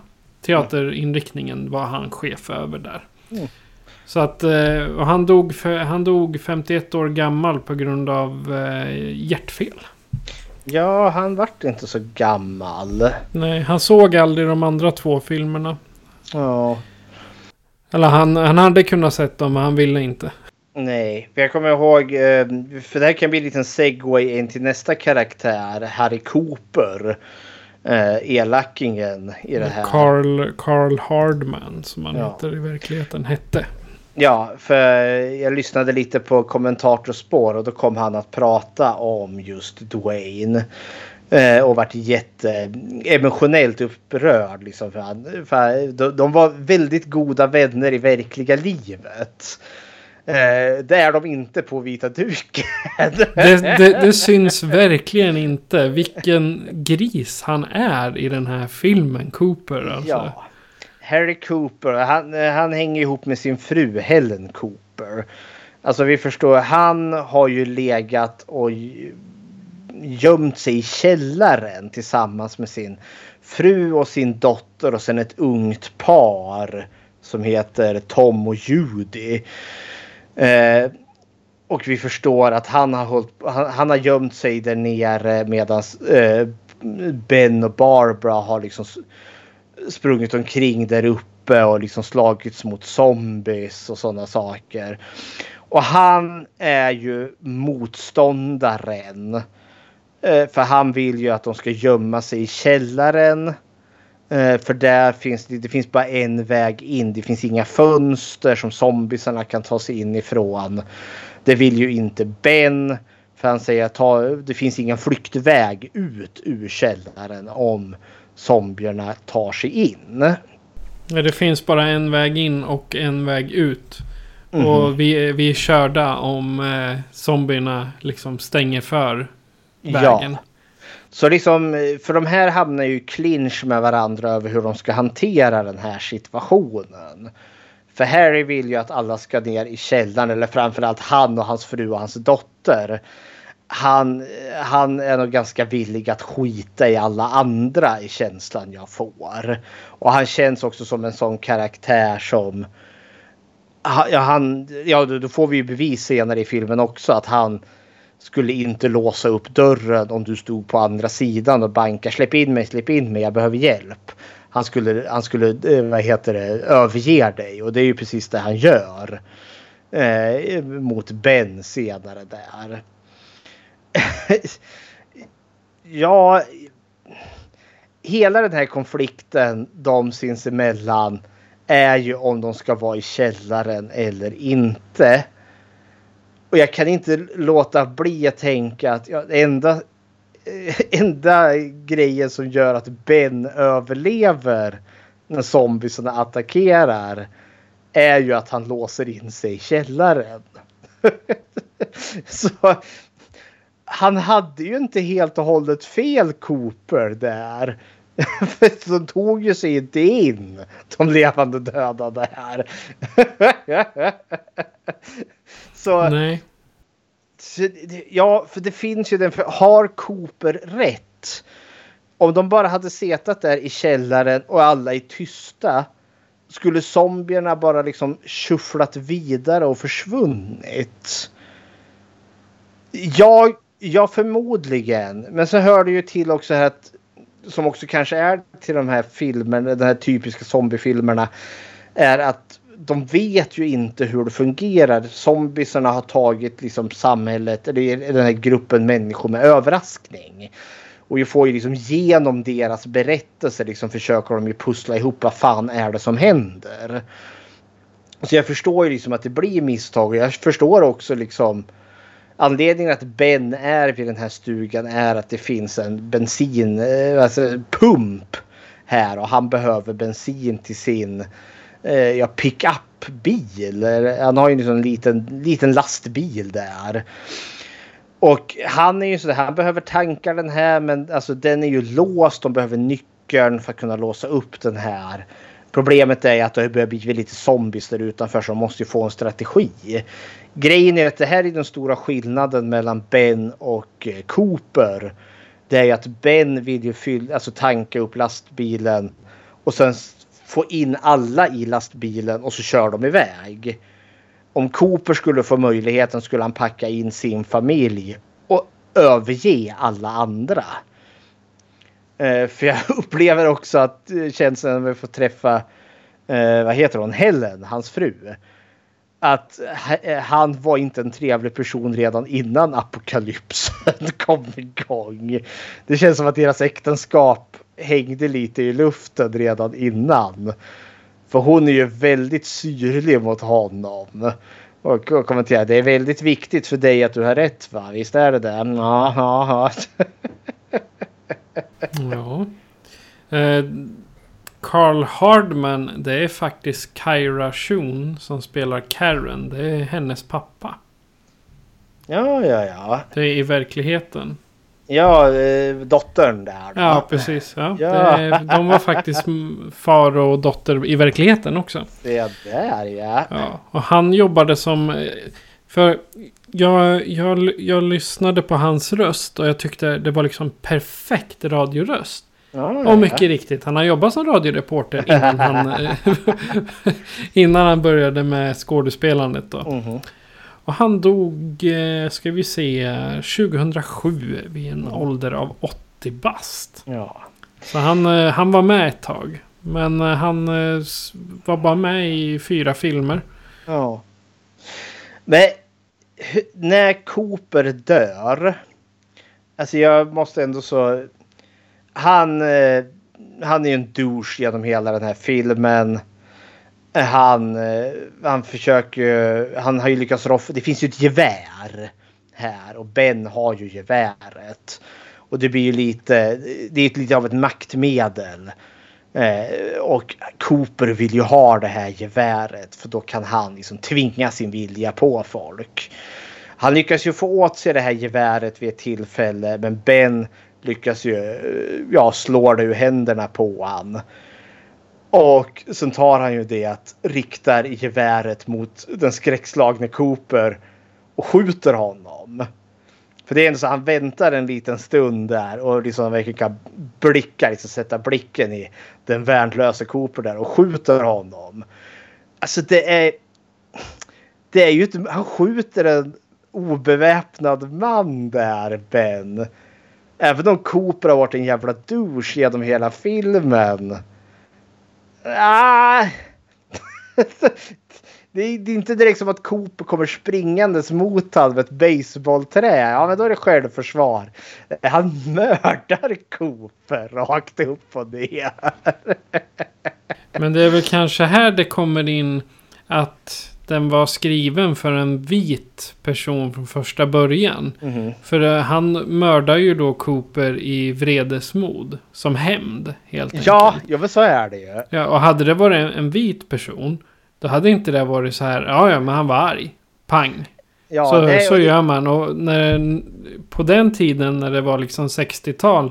Och en svart eller mörkhyad människa skjuter en vit. Ja. Det måste ju ha varit en ren katastrof inne på bio, biograferna när man såg det. Jag tror det var säkert många där som... Eller jag, jag kan tänka mig just att det möter någon reaktion. Eller så var det kanske det inte gjorde det. För Cooper är så uppenbart osympatisk. Och en sån uppenbart elak individ.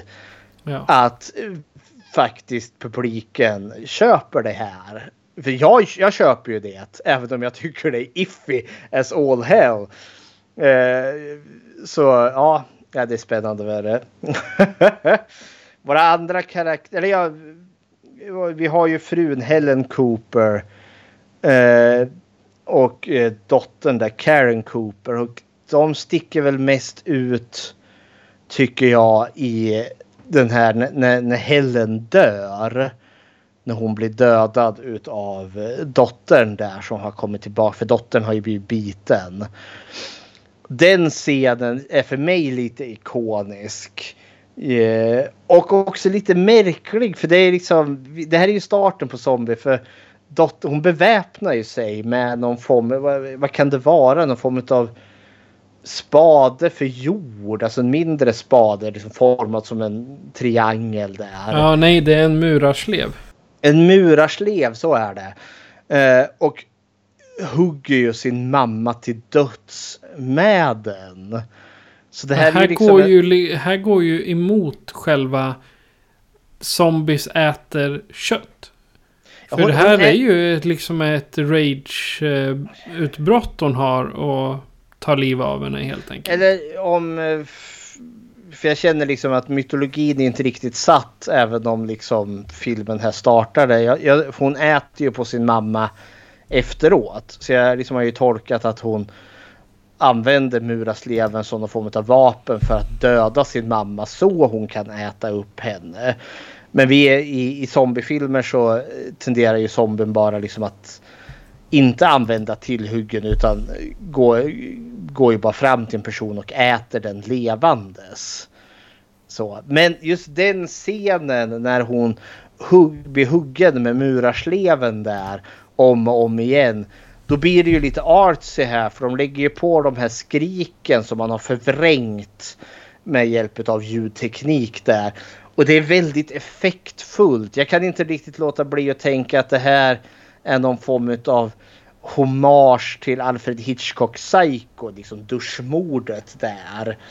Eh, men det är väldigt effektfullt med det här hennes med mammans liksom förvrängda skrik där. Det ökar liksom det obehagliga i den här filmen. Ja. Eh, Hon gick bort den 22 augusti förra året. Oj, hon vart gammal. Marilyn, Är Ja. det dottern eller mamman? Mamman. Ja, Marilyn Eastman. Där. Ja, hon vart... Eh, ska vi se vad var det det stod? Hon blev 87. Mhm. Till och med. Hon eh, jobbade... Anledningen till att hon var så pass eh, med i Night of the Living Dead var för att hon jobbade med Carl... Eh, Ho- eh, vad hette han nu då? Jo, Carl, Carl. Hardman. Hardman, precis. De jobbade. eh, Jag säger Carl Cooper. Carl Hardman. Eh, De jobbade tillsammans faktiskt Ja, ja, inom ja. radion. Så att det var så de kände varandra. Se där.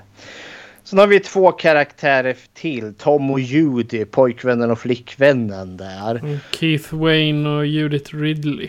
Ja, de två är väl de som... Vad ska man kalla det? Alltså det här, hade det varit en slasherfilm så hade det här varit kanonmatskaraktärer. De tillför inte så, eller hon tillför väldigt lite. Eh, karaktären Tom är ju lite mer i och med att han är den som kan köra lastbilen. Men alltså det är inte mycket till karaktär. Men de är visserligen på det sättet att de här två karaktärerna är väl lite de som Ben och Cooper kämpar lite över vem är det som ska eh, är ledare över dem. Man märker liksom att båda två sliter där och det irriterar Cooper att Tom lyssnar mer på Ben än vad han gör på honom. Ja. Och Keith Wayne, han, vart, han var ungefär som eh, eh, Dwayne, Dwayne Johnson. Han dog i, vid en ålder av 50. Ja. 95 dog han. Så... Dwayne Johnson, du menar Dwayne, Dwayne Johns? Dwayne, Dwayne Jones. Jones. Ja, Dwayne Jones. Jones, det är det är The Dwayne. Johnson, det är, det är en helt annan. Han är lite yngre dessutom. Ja. Nej men alltså de, de blir ju med sen här i den här eh, scenen när de ska försöka tanka den här lilla lastbilen. Och allt går käpprätt åt helvete. Vilket jag också undrar mig lite som en här typiskt drag i de här filmerna. Man gör upp en plan för man behöver göra något för att antingen fylla på med mat, hämta medicin, hitta flyktfordon eller något sånt där. Och så försöker planen liksom gå i lås men någonting går åt skogen och allt liksom ballar ur. I den här filmen så är det ju han... Vad är det? Han, han måste... När han har bensinslangen eh, där så trycker han in så den börjar spruta bensin direkt. Och de har ju levande eld där för zombiesarna tycker inte om eld. Och då tar ju det fyr och bilen sprängs med Tom och Judy i. Ja. Så hepp hepp. Men Saken är ju den att eh, det sprängs inte en bil när du har i eld. Du kan slänga i en tändsticka i, ta- i tanken utan att det smäller. Mm. För eh, elden hinner, hinner slockna av Ja. vätskan. Men Ja. ja. ja, ja, det- hade inte varit bra film annars. Nej, och här får vi ju våran första. Nu är det visserligen inte bensin. Ja, men det är be- det är en pump. Ja, och det brinner från pumpen. Så Ja. det är nästan en exploderande bensinmack. Exakt. Uh, Judith Riley, hon var med i eh, Night of the Living Dead. Och så var hon också med i There's Always Vanilla. Ja, Så hon fick komma tillbaka där. Sen är hon helt borta ur... eh, ja, hon, hon, hon... Finns ingenting om henne. Jag googlade det- hennes namn och jag hittade, hittade ingenting där heller. Men det, det är ju lite med det här, för det här är ju verkligen en amatörfilm. Ja. med liksom idelt okända personer och mycket kompisar till varandra. Så det är ju ett kompisprojekt det här. Som sen gick och vart en av de mest inflytelserika skräckfilmerna i västerländsk filmhistoria. Hepp. Ja. Eh, dottern där, eh, hon, Kyra Sean Mm. heter ju skådespelaren. Hon var med i Iron City Ass Kickers också förra året. Ja. Så hon lever fortfarande. Ja. Hon är lika gammal som min far, ser jag nu. Ja. ja, det finns väl inga mer karaktärer att liksom prata om här. Det är möj ja, möjligen den här zombien som är med i, eh, i början. Eh, Ja, William bara- Hintzman heter väl Ja, han det- skådespelaren. Det är väl lite kul bara för att han är den absolut första zombien i de moderna zombiefilmerna. Ja, För det har du ju också där. Han, han använder ju också verktyg. Han, han, när, när han försöker ta, sig, ta Barbara i bilen där. Då slår han ju sönder eh, bilfönstret med en stor sten. Och det skvallrar ju också liksom om att ja nej men mytologin, zombie-mytologin är liksom inte riktigt satt. Men det börjar här. ja men jag menar, här, zombierna här har ju en viss, viss intelligens, eller vad man ska Mhm. säga. Det, det kan vi prata mer om under eh, när vi kommer till eh, själva hotet i sig. Jajamän. Ja.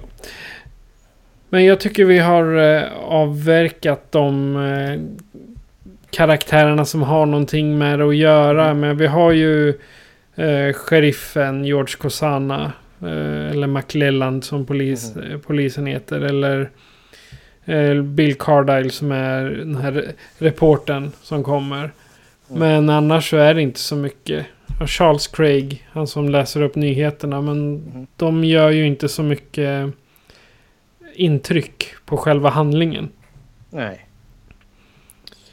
Då så. Eh, platserna.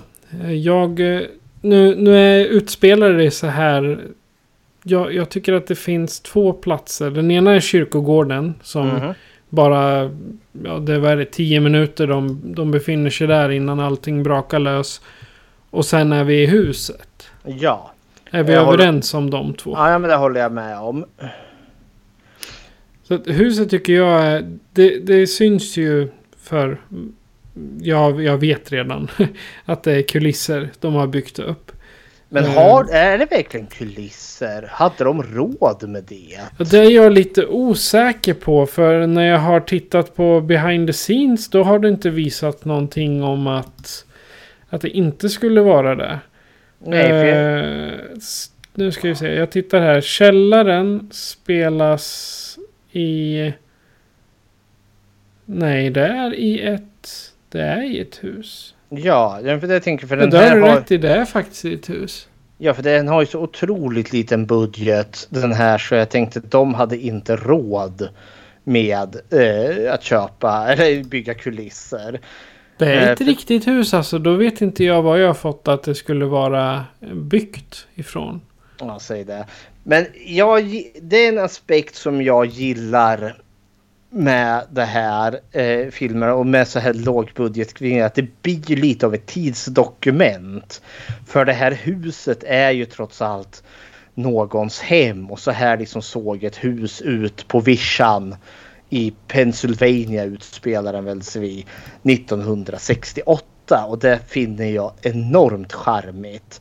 För det ger ju verkligen en känsla utav autenticitet. Plus också att jag känner för kamerateamet. Fan vad mäckigt det måste vara liksom att klumpa runt med liksom tung jäkla filmutrustning och ljud, eh, stativ och allt vad fan det nu är. Och liksom ljussätta huset där. Men de gör det med bravur. För även om det nu här är liksom en glad amatörproduktion så är de proffsiga på det sättet. För man ser det är ingen boom mic som dyker upp. Det är bra ljus, så att ljudet är bra. Det, är liksom, det känns som att de vet vad de håller på med. Eh, jag, jag läser eh, på IMDB. Nu, nu, jag, jag kan inte säga att det stämmer exakt. Men så här står det att huset de använde lånade de av en eh, ja, gårdsägare som tänkte riva det oavsett. Ja, Och när de hittade det här huset, alltså det är farmhouse, så att det är ju Mhm. en gård.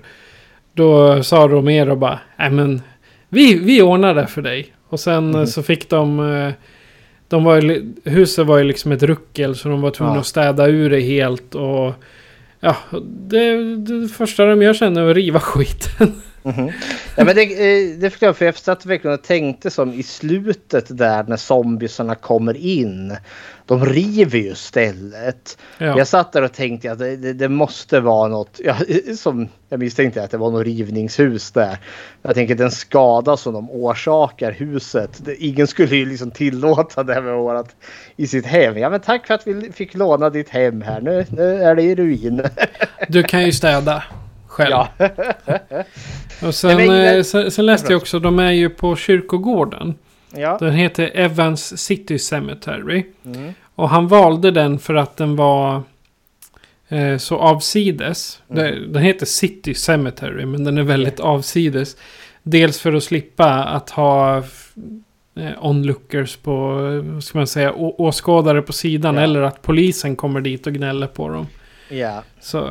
Men eh, nu så är det ju en populär turistattraktion. Ja, det kan jag tänka mig. Ja, så att, eh, men det, det här läser jag på IMDB ska jag säga. Alltså det är inte säkert att det stämmer exakt det jag säger. Utan det här ger ju bara en ungefärlig uppskattning av hur det kan ha varit.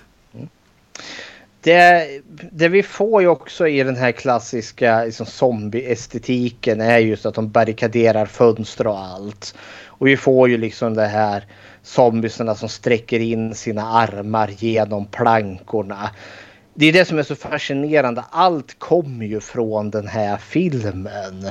Allt vad jag liksom klassiskt tänker zombie. Och det är vansinnigt fascinerande. Eh, sen ska jag säga också, ordet zombie används aldrig i filmen. Nej, ghouls eh, benämns de väl som. Och flesh eaters. Ja. Det är också lite, det är också lite kul för det, mm. det, det första man säger, den första zombiefilmen, ja, Night of the Living Dead. Ja. Fast de säger inte zombie. Nej, inte den enda gång. Nej. Ska vi gå över till våra zombies då? Hotet. Ja. Ja. Vad tycker du om våra zombies här? Eh, zombiesarna de, de ser mera ut som mumier som uh, går runt. Som man liksom har ställt upp i, på träplankor och så mm. skickar man runt dem lite. så. Men uh, jag, jag, kan ju tänka mig att eftersom det här utspelar sig ganska tidigt efter själva katastrofen har brutit ut. Mm. Så blir det ju inte... Jag menar, de ruttnar ju inte på en gång bara sådär. Utan eh, de som går där är ju folk som har dött nyligen. Mm. Det verkar inte som att, som det är i eh, en del andra filmer, att de kliver upp ur gravarna. Nej. Utan här är du väl begravd, då, då ligger du där, punkt. Ja. Men eh, för alla som liksom kommer gående de ser ju relativt fräscha ut inom stationstecken. Så. Och jag vet vi läste när jag läste zombieöverlevnad så var det också att zombien ruttnar ju efter ett tag. Mm. Det är i början de är svåra att kunna liksom hantera. Och det, det ser man i The Walking Dead också. Mm. Det är ju i början när zombiesarna är färska. Så att mm. säga. Som de är svåra att få koll på. Men de här som har gått omkring i ett par år sedan in framåt säsong 4-5. De, det är ju nästan så du kan trycka in ett finger i ögat på dem. liksom. De är så ruttna och danna. Ja. ja. Vad tycker du om zombierna? Alltså hot, ja, men det, är, det är fascinerande här för det här är ju verkligen den moderna alltså kannibalzombien här. Och det är så lustigt för liksom att det här det startas. Eh, det här liksom man eh, får det här begreppet och jag gillar alltså alla som ska spela de här levande döda. Eh, för det liksom blir som en grej. Liksom det kan vem som helst utan skådespelartalang göra. Eh, liksom det har också blivit lite som en kul grej att liksom vara med i en zombiefilm. Och nu tänker jag också att vi har ju The Zombie Walks och liksom flashmobs med zombies. Och liksom, det finns allt möjligt skoj. Men just här är liksom när det börjar för första gången och just är den här aspekten att det är den levande döde mitt ifrån vardagen. Eh, för vi har ju liksom zombies i olika liksom skeenden. Någon har liksom så sjukhuskläder på sig. Någon liksom kommer insläpande i en morgonrock. Någon har inga kläder på sig alls. Eh, det är liksom det folk mitt i vardagen. Den zombien innan har ju verkligen varit, eh, ja men. Det har som oftast varit som i White Zombies, då är det ju liksom personer eh, som kontrolleras med voodoo. Eh, och då ser de alltid lite ut som, det brukar alltid vara fattiga människor eller det brukar vara mörkhyade människor som är zombies i de filmerna. Eh, så då finns det liksom med, med ett fattig, alltså zombien är liksom ganska långt ner i på den sociala hierarkin. Men zombiesarna här i Night of the Living Dead är ju vem som helst egentligen. Vi har liksom allt från mannen till kostym till personen som kommer släpandes liksom i morgonrock. Liksom. Zombien här känner inga som helst gränser och det är lite awesome. Sen är det väl liksom den här frågan för filmen ger ju lite hints om vad som eventuellt kan vara orsaken till det här. Det är någon form av satellit som har varit på Venus nämns i förbifarten och har kommit tillbaka och den hade radioaktiv strålning. Är det det som har väckt de döda här? Vi får inget definitivt svar. Det som är lustigt var väl att i grund och botten, alltså zombierna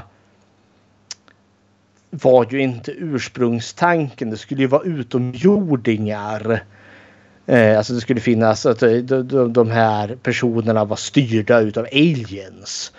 Eh, med mental eh, kontroll där. Men man släppte den tanken tydligen till sin fördel. För jag vet inte, vi hade inte, jag tror inte att det hade samma impact om det visade sig att det var arga utomjordingar som radiostyrde eh, döda människor.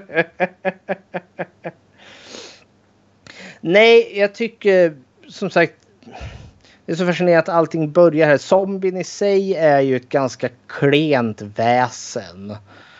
Eh, men det är ju just mängden av dem i slutändan. Det är liksom som en myra är inget större problem. Men en hel jäkla myrstack, ja då blir det problem.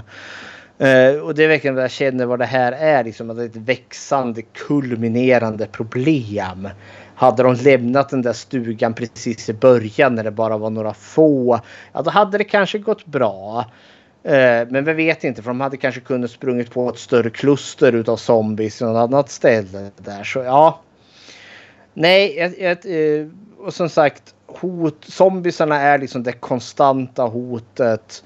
Sen har vi ju det inre hotet utav Cooper där då som vi har den här liksom maktkampen. Så känns så in i helvete meningslöst liksom samarbeta i den här situationen. Varför måste ni hålla på liksom och uh, ja, jävlas uh, i den här sitsen? Men ja, mm, ja uh, så och det är väl återkommande i alla zombiefilmer efter den här. ja, I stort sett. Det är ju lite som, som de säger i The Walking Dead. Att zombies är inte det farliga. Utan, eller walkers är inte de farliga. Människor är de farliga. Mm -hmm. Ja, kära någon. Ja. ja det, det, det, är fantastiskt. Eh, jag, jag, jag känns som att jag upprepar mig om och om igen. Men alltså, jag såg om det. Jag tycker det är så otroligt fascinerande att se vad allting startade. Liksom, det är bara bocka av alla zombie-klichéer som finns. Ja. Grejen är att det är ju inte zombie-klichéer med den här. För det, det, det kommer härifrån. Allt kommer härifrån. eh, sen skulle jag eh, säga att det riktiga hotet har nog, mera, har nog snarare med att göra sam, bristen på samarbete bland människorna inne i huset. Ja. Det är nog det ultimata hotet skulle jag säga. Jajamensan. Men. Och jag frågar dig då. Har du några slutliga tankar om det här? Ja, alltså det finns så mycket att berätta om den här filmen. Alltså, vi, måste ju nämna också kanske just en av anledningarna till att den här kanske är så känd. Eller varit så stor var ju att den här copyright-incidenten. De missade ju att copyrighta Night of the Living Dead. Eh, så Romero har ju inte tjänat liksom, ekonomiskt något på det. här, För det här varit public domain, allmänt gods. Men det resulterade ju liksom i att tv-kanaler har ju kunnat liksom. Det har inte kostat dem någonting att köpa in den här. En gratis film. Nice! Vilket gjorde att den här filmen har ju fått en enorm jäkla spridning. Och jag tänker det är också en del kanske i hur den här ändå så har påverkat eh, alltså eh, modern skräckfilm, modern zombiefilmgenren. Den hade kanske inte gjort det om den här copyrighten fanns. Då hade den här kanske blivit en mycket smalare film. Nu, nu är den här filmen så bra i sig själv att jag tror nog säkert att den här hade gjort, gjort ett större intryck i alla fall. Men det kan ju inte ha skadat liksom i, i det allmänna medvetandet att den här filmen verkligen dök upp precis överallt. Eh, så tur i oturen kanske för stackars George Romero där. Nej, alltså jag tycker den här filmen är väldigt fantastisk just på grund av vad den lämnar efter sig, det arv den, den ger. Ska, ska jag liksom verkligen håndra det så känner jag ju, jag skulle ju inte, jag vill ju inte riktigt placera den här på liksom samma nivå som Hajen, Exorcisten, Psycho. För det är liksom det mästerverk enligt mig. Liksom nästan till felfria filmer. Eh, och, men samtidigt så är det här liksom en av de mer inflytelserika filmerna som har producerats. Och liksom, jag är så evigt glad och tacksam att det kommer härifrån. Men den är verkligen amatörmässig. Det går inte att sticka under stolen. Eh, och finns vissa pacingproblem, alltså där den är lite långsam när Barbara bara går omkring i chocktillstånd i det här huset. Men det har liksom en del i stämningen också. Men alltså, jag får verkligen anstränga mig för att hitta någonting negativt att säga om den här filmen. Men samtidigt är det liksom inte liksom en sån här ett supermästerverk i hur briljant den är filmad och skådespelad och manus. Men den är liksom fortfarande liksom där uppe på himlen bland höjdarna. Så det är liksom det är ett mästerverk utan att vara ett mästerverk om man nu kan säga det så. Jag finner den här fantastisk. Jag brukar se den ungefär en gång per år. Mest för att jag gillar ja, var den faktiskt drar igång. Och jag brukar alltså oftast hitta någonting som är lite tankevärt varenda gång. Så ja, det är mina slutgiltiga tankar till Night Off. Vad känner du? Alltså alla inom skräck-communityn vet att det här är liksom the granddaddy av eh, zombiefilmerna. Det är typ starten av den moderna skräckfilmen. Så har jag kunnat läst att eh, en del av recensionerna säger. Och framförallt när man får se George Romero för första gången eh, i en välkänd film. Och jag... Jag tror snarare att bristen på att tjäna, alltså bristen på inkomster från den här filmen var nog snarare det största orsaken till att de andra filmerna fick så bra. Eh, alltså Night of the Living Dead, ja man vet George Romero gjorde en läskig film med levande döda. Och sen typ tio år senare kommer Dawn of the Dead. Mm. Ooh, I färg och med en helikopter och militärer. Mm. Och så ett köpcentrum och ett mc-gäng. Mm. Ja, men det här är ju rätt så coolt. Och Dawn of the Dead är ju mer populär än vad Night of the Living Dead är. Mm. Det räknas ju nästan som den första zombiefilmen. För de kallar... I Dawn of the Dead så säger de väl zombies också. Ja, det tror jag. Ja, för där det är ju liksom den första zombiefilmen och här är det den och Night of the Living Dead är den första levande döda filmen mm. i stort sett. Så att eh, det, jag har samma som dig. Jag försöker se den åtminstone någon gång per år.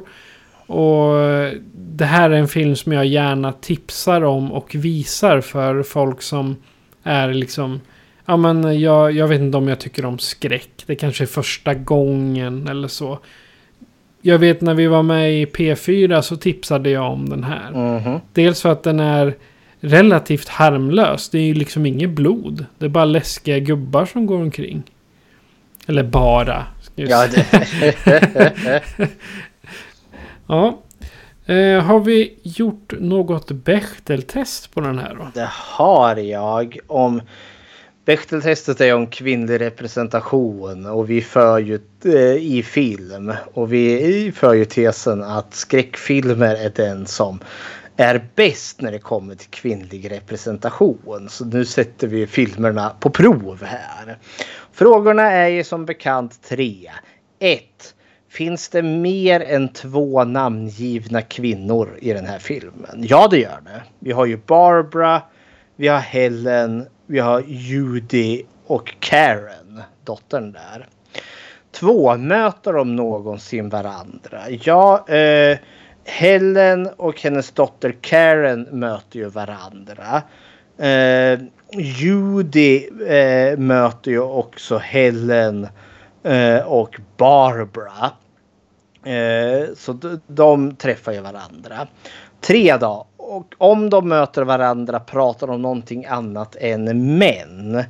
Ja, vi har en scen där med, mellan Barbara och Helen. När, ba, när Helen sitter och röker. Då reagerar ju Barbara liksom som, ungefär som att hon kickar igång. Och, och då börjar de prata lite. Barbara vill väl ha en cigarett där och hon hon försöker liksom prata lite om situationen som är. Och sen är Barbara tillbaka i sitt chocktillstånd. Eh, så Night of the Living Dead klarar Bechteltestet.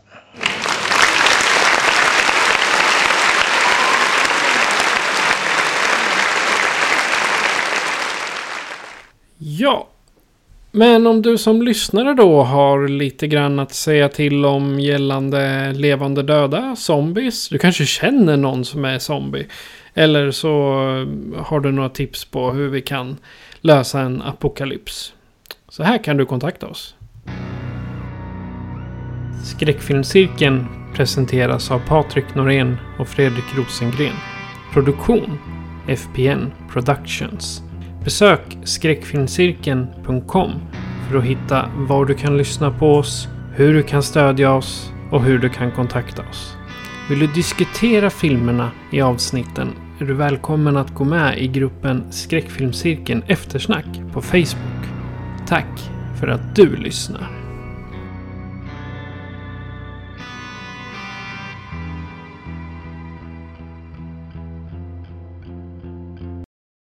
Och Fredrik, vad bjuder vi på nästa gång? Nu ska vi ta oss an Romeros uh, Dead-filmer här. Så nästa blir ju nu nästa trendsättare.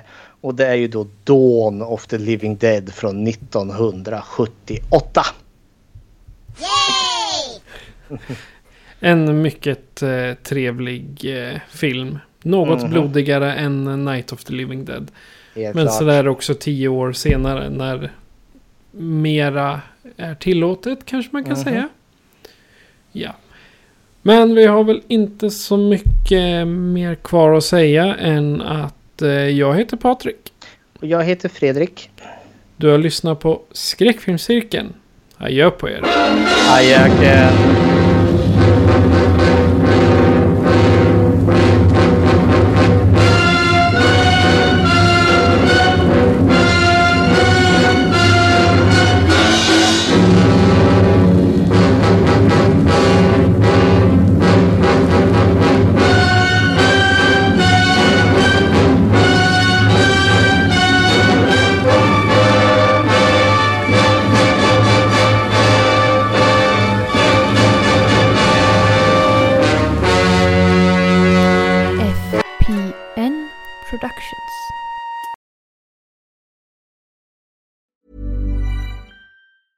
Adjö. we're on a budget, we still deserve nice things.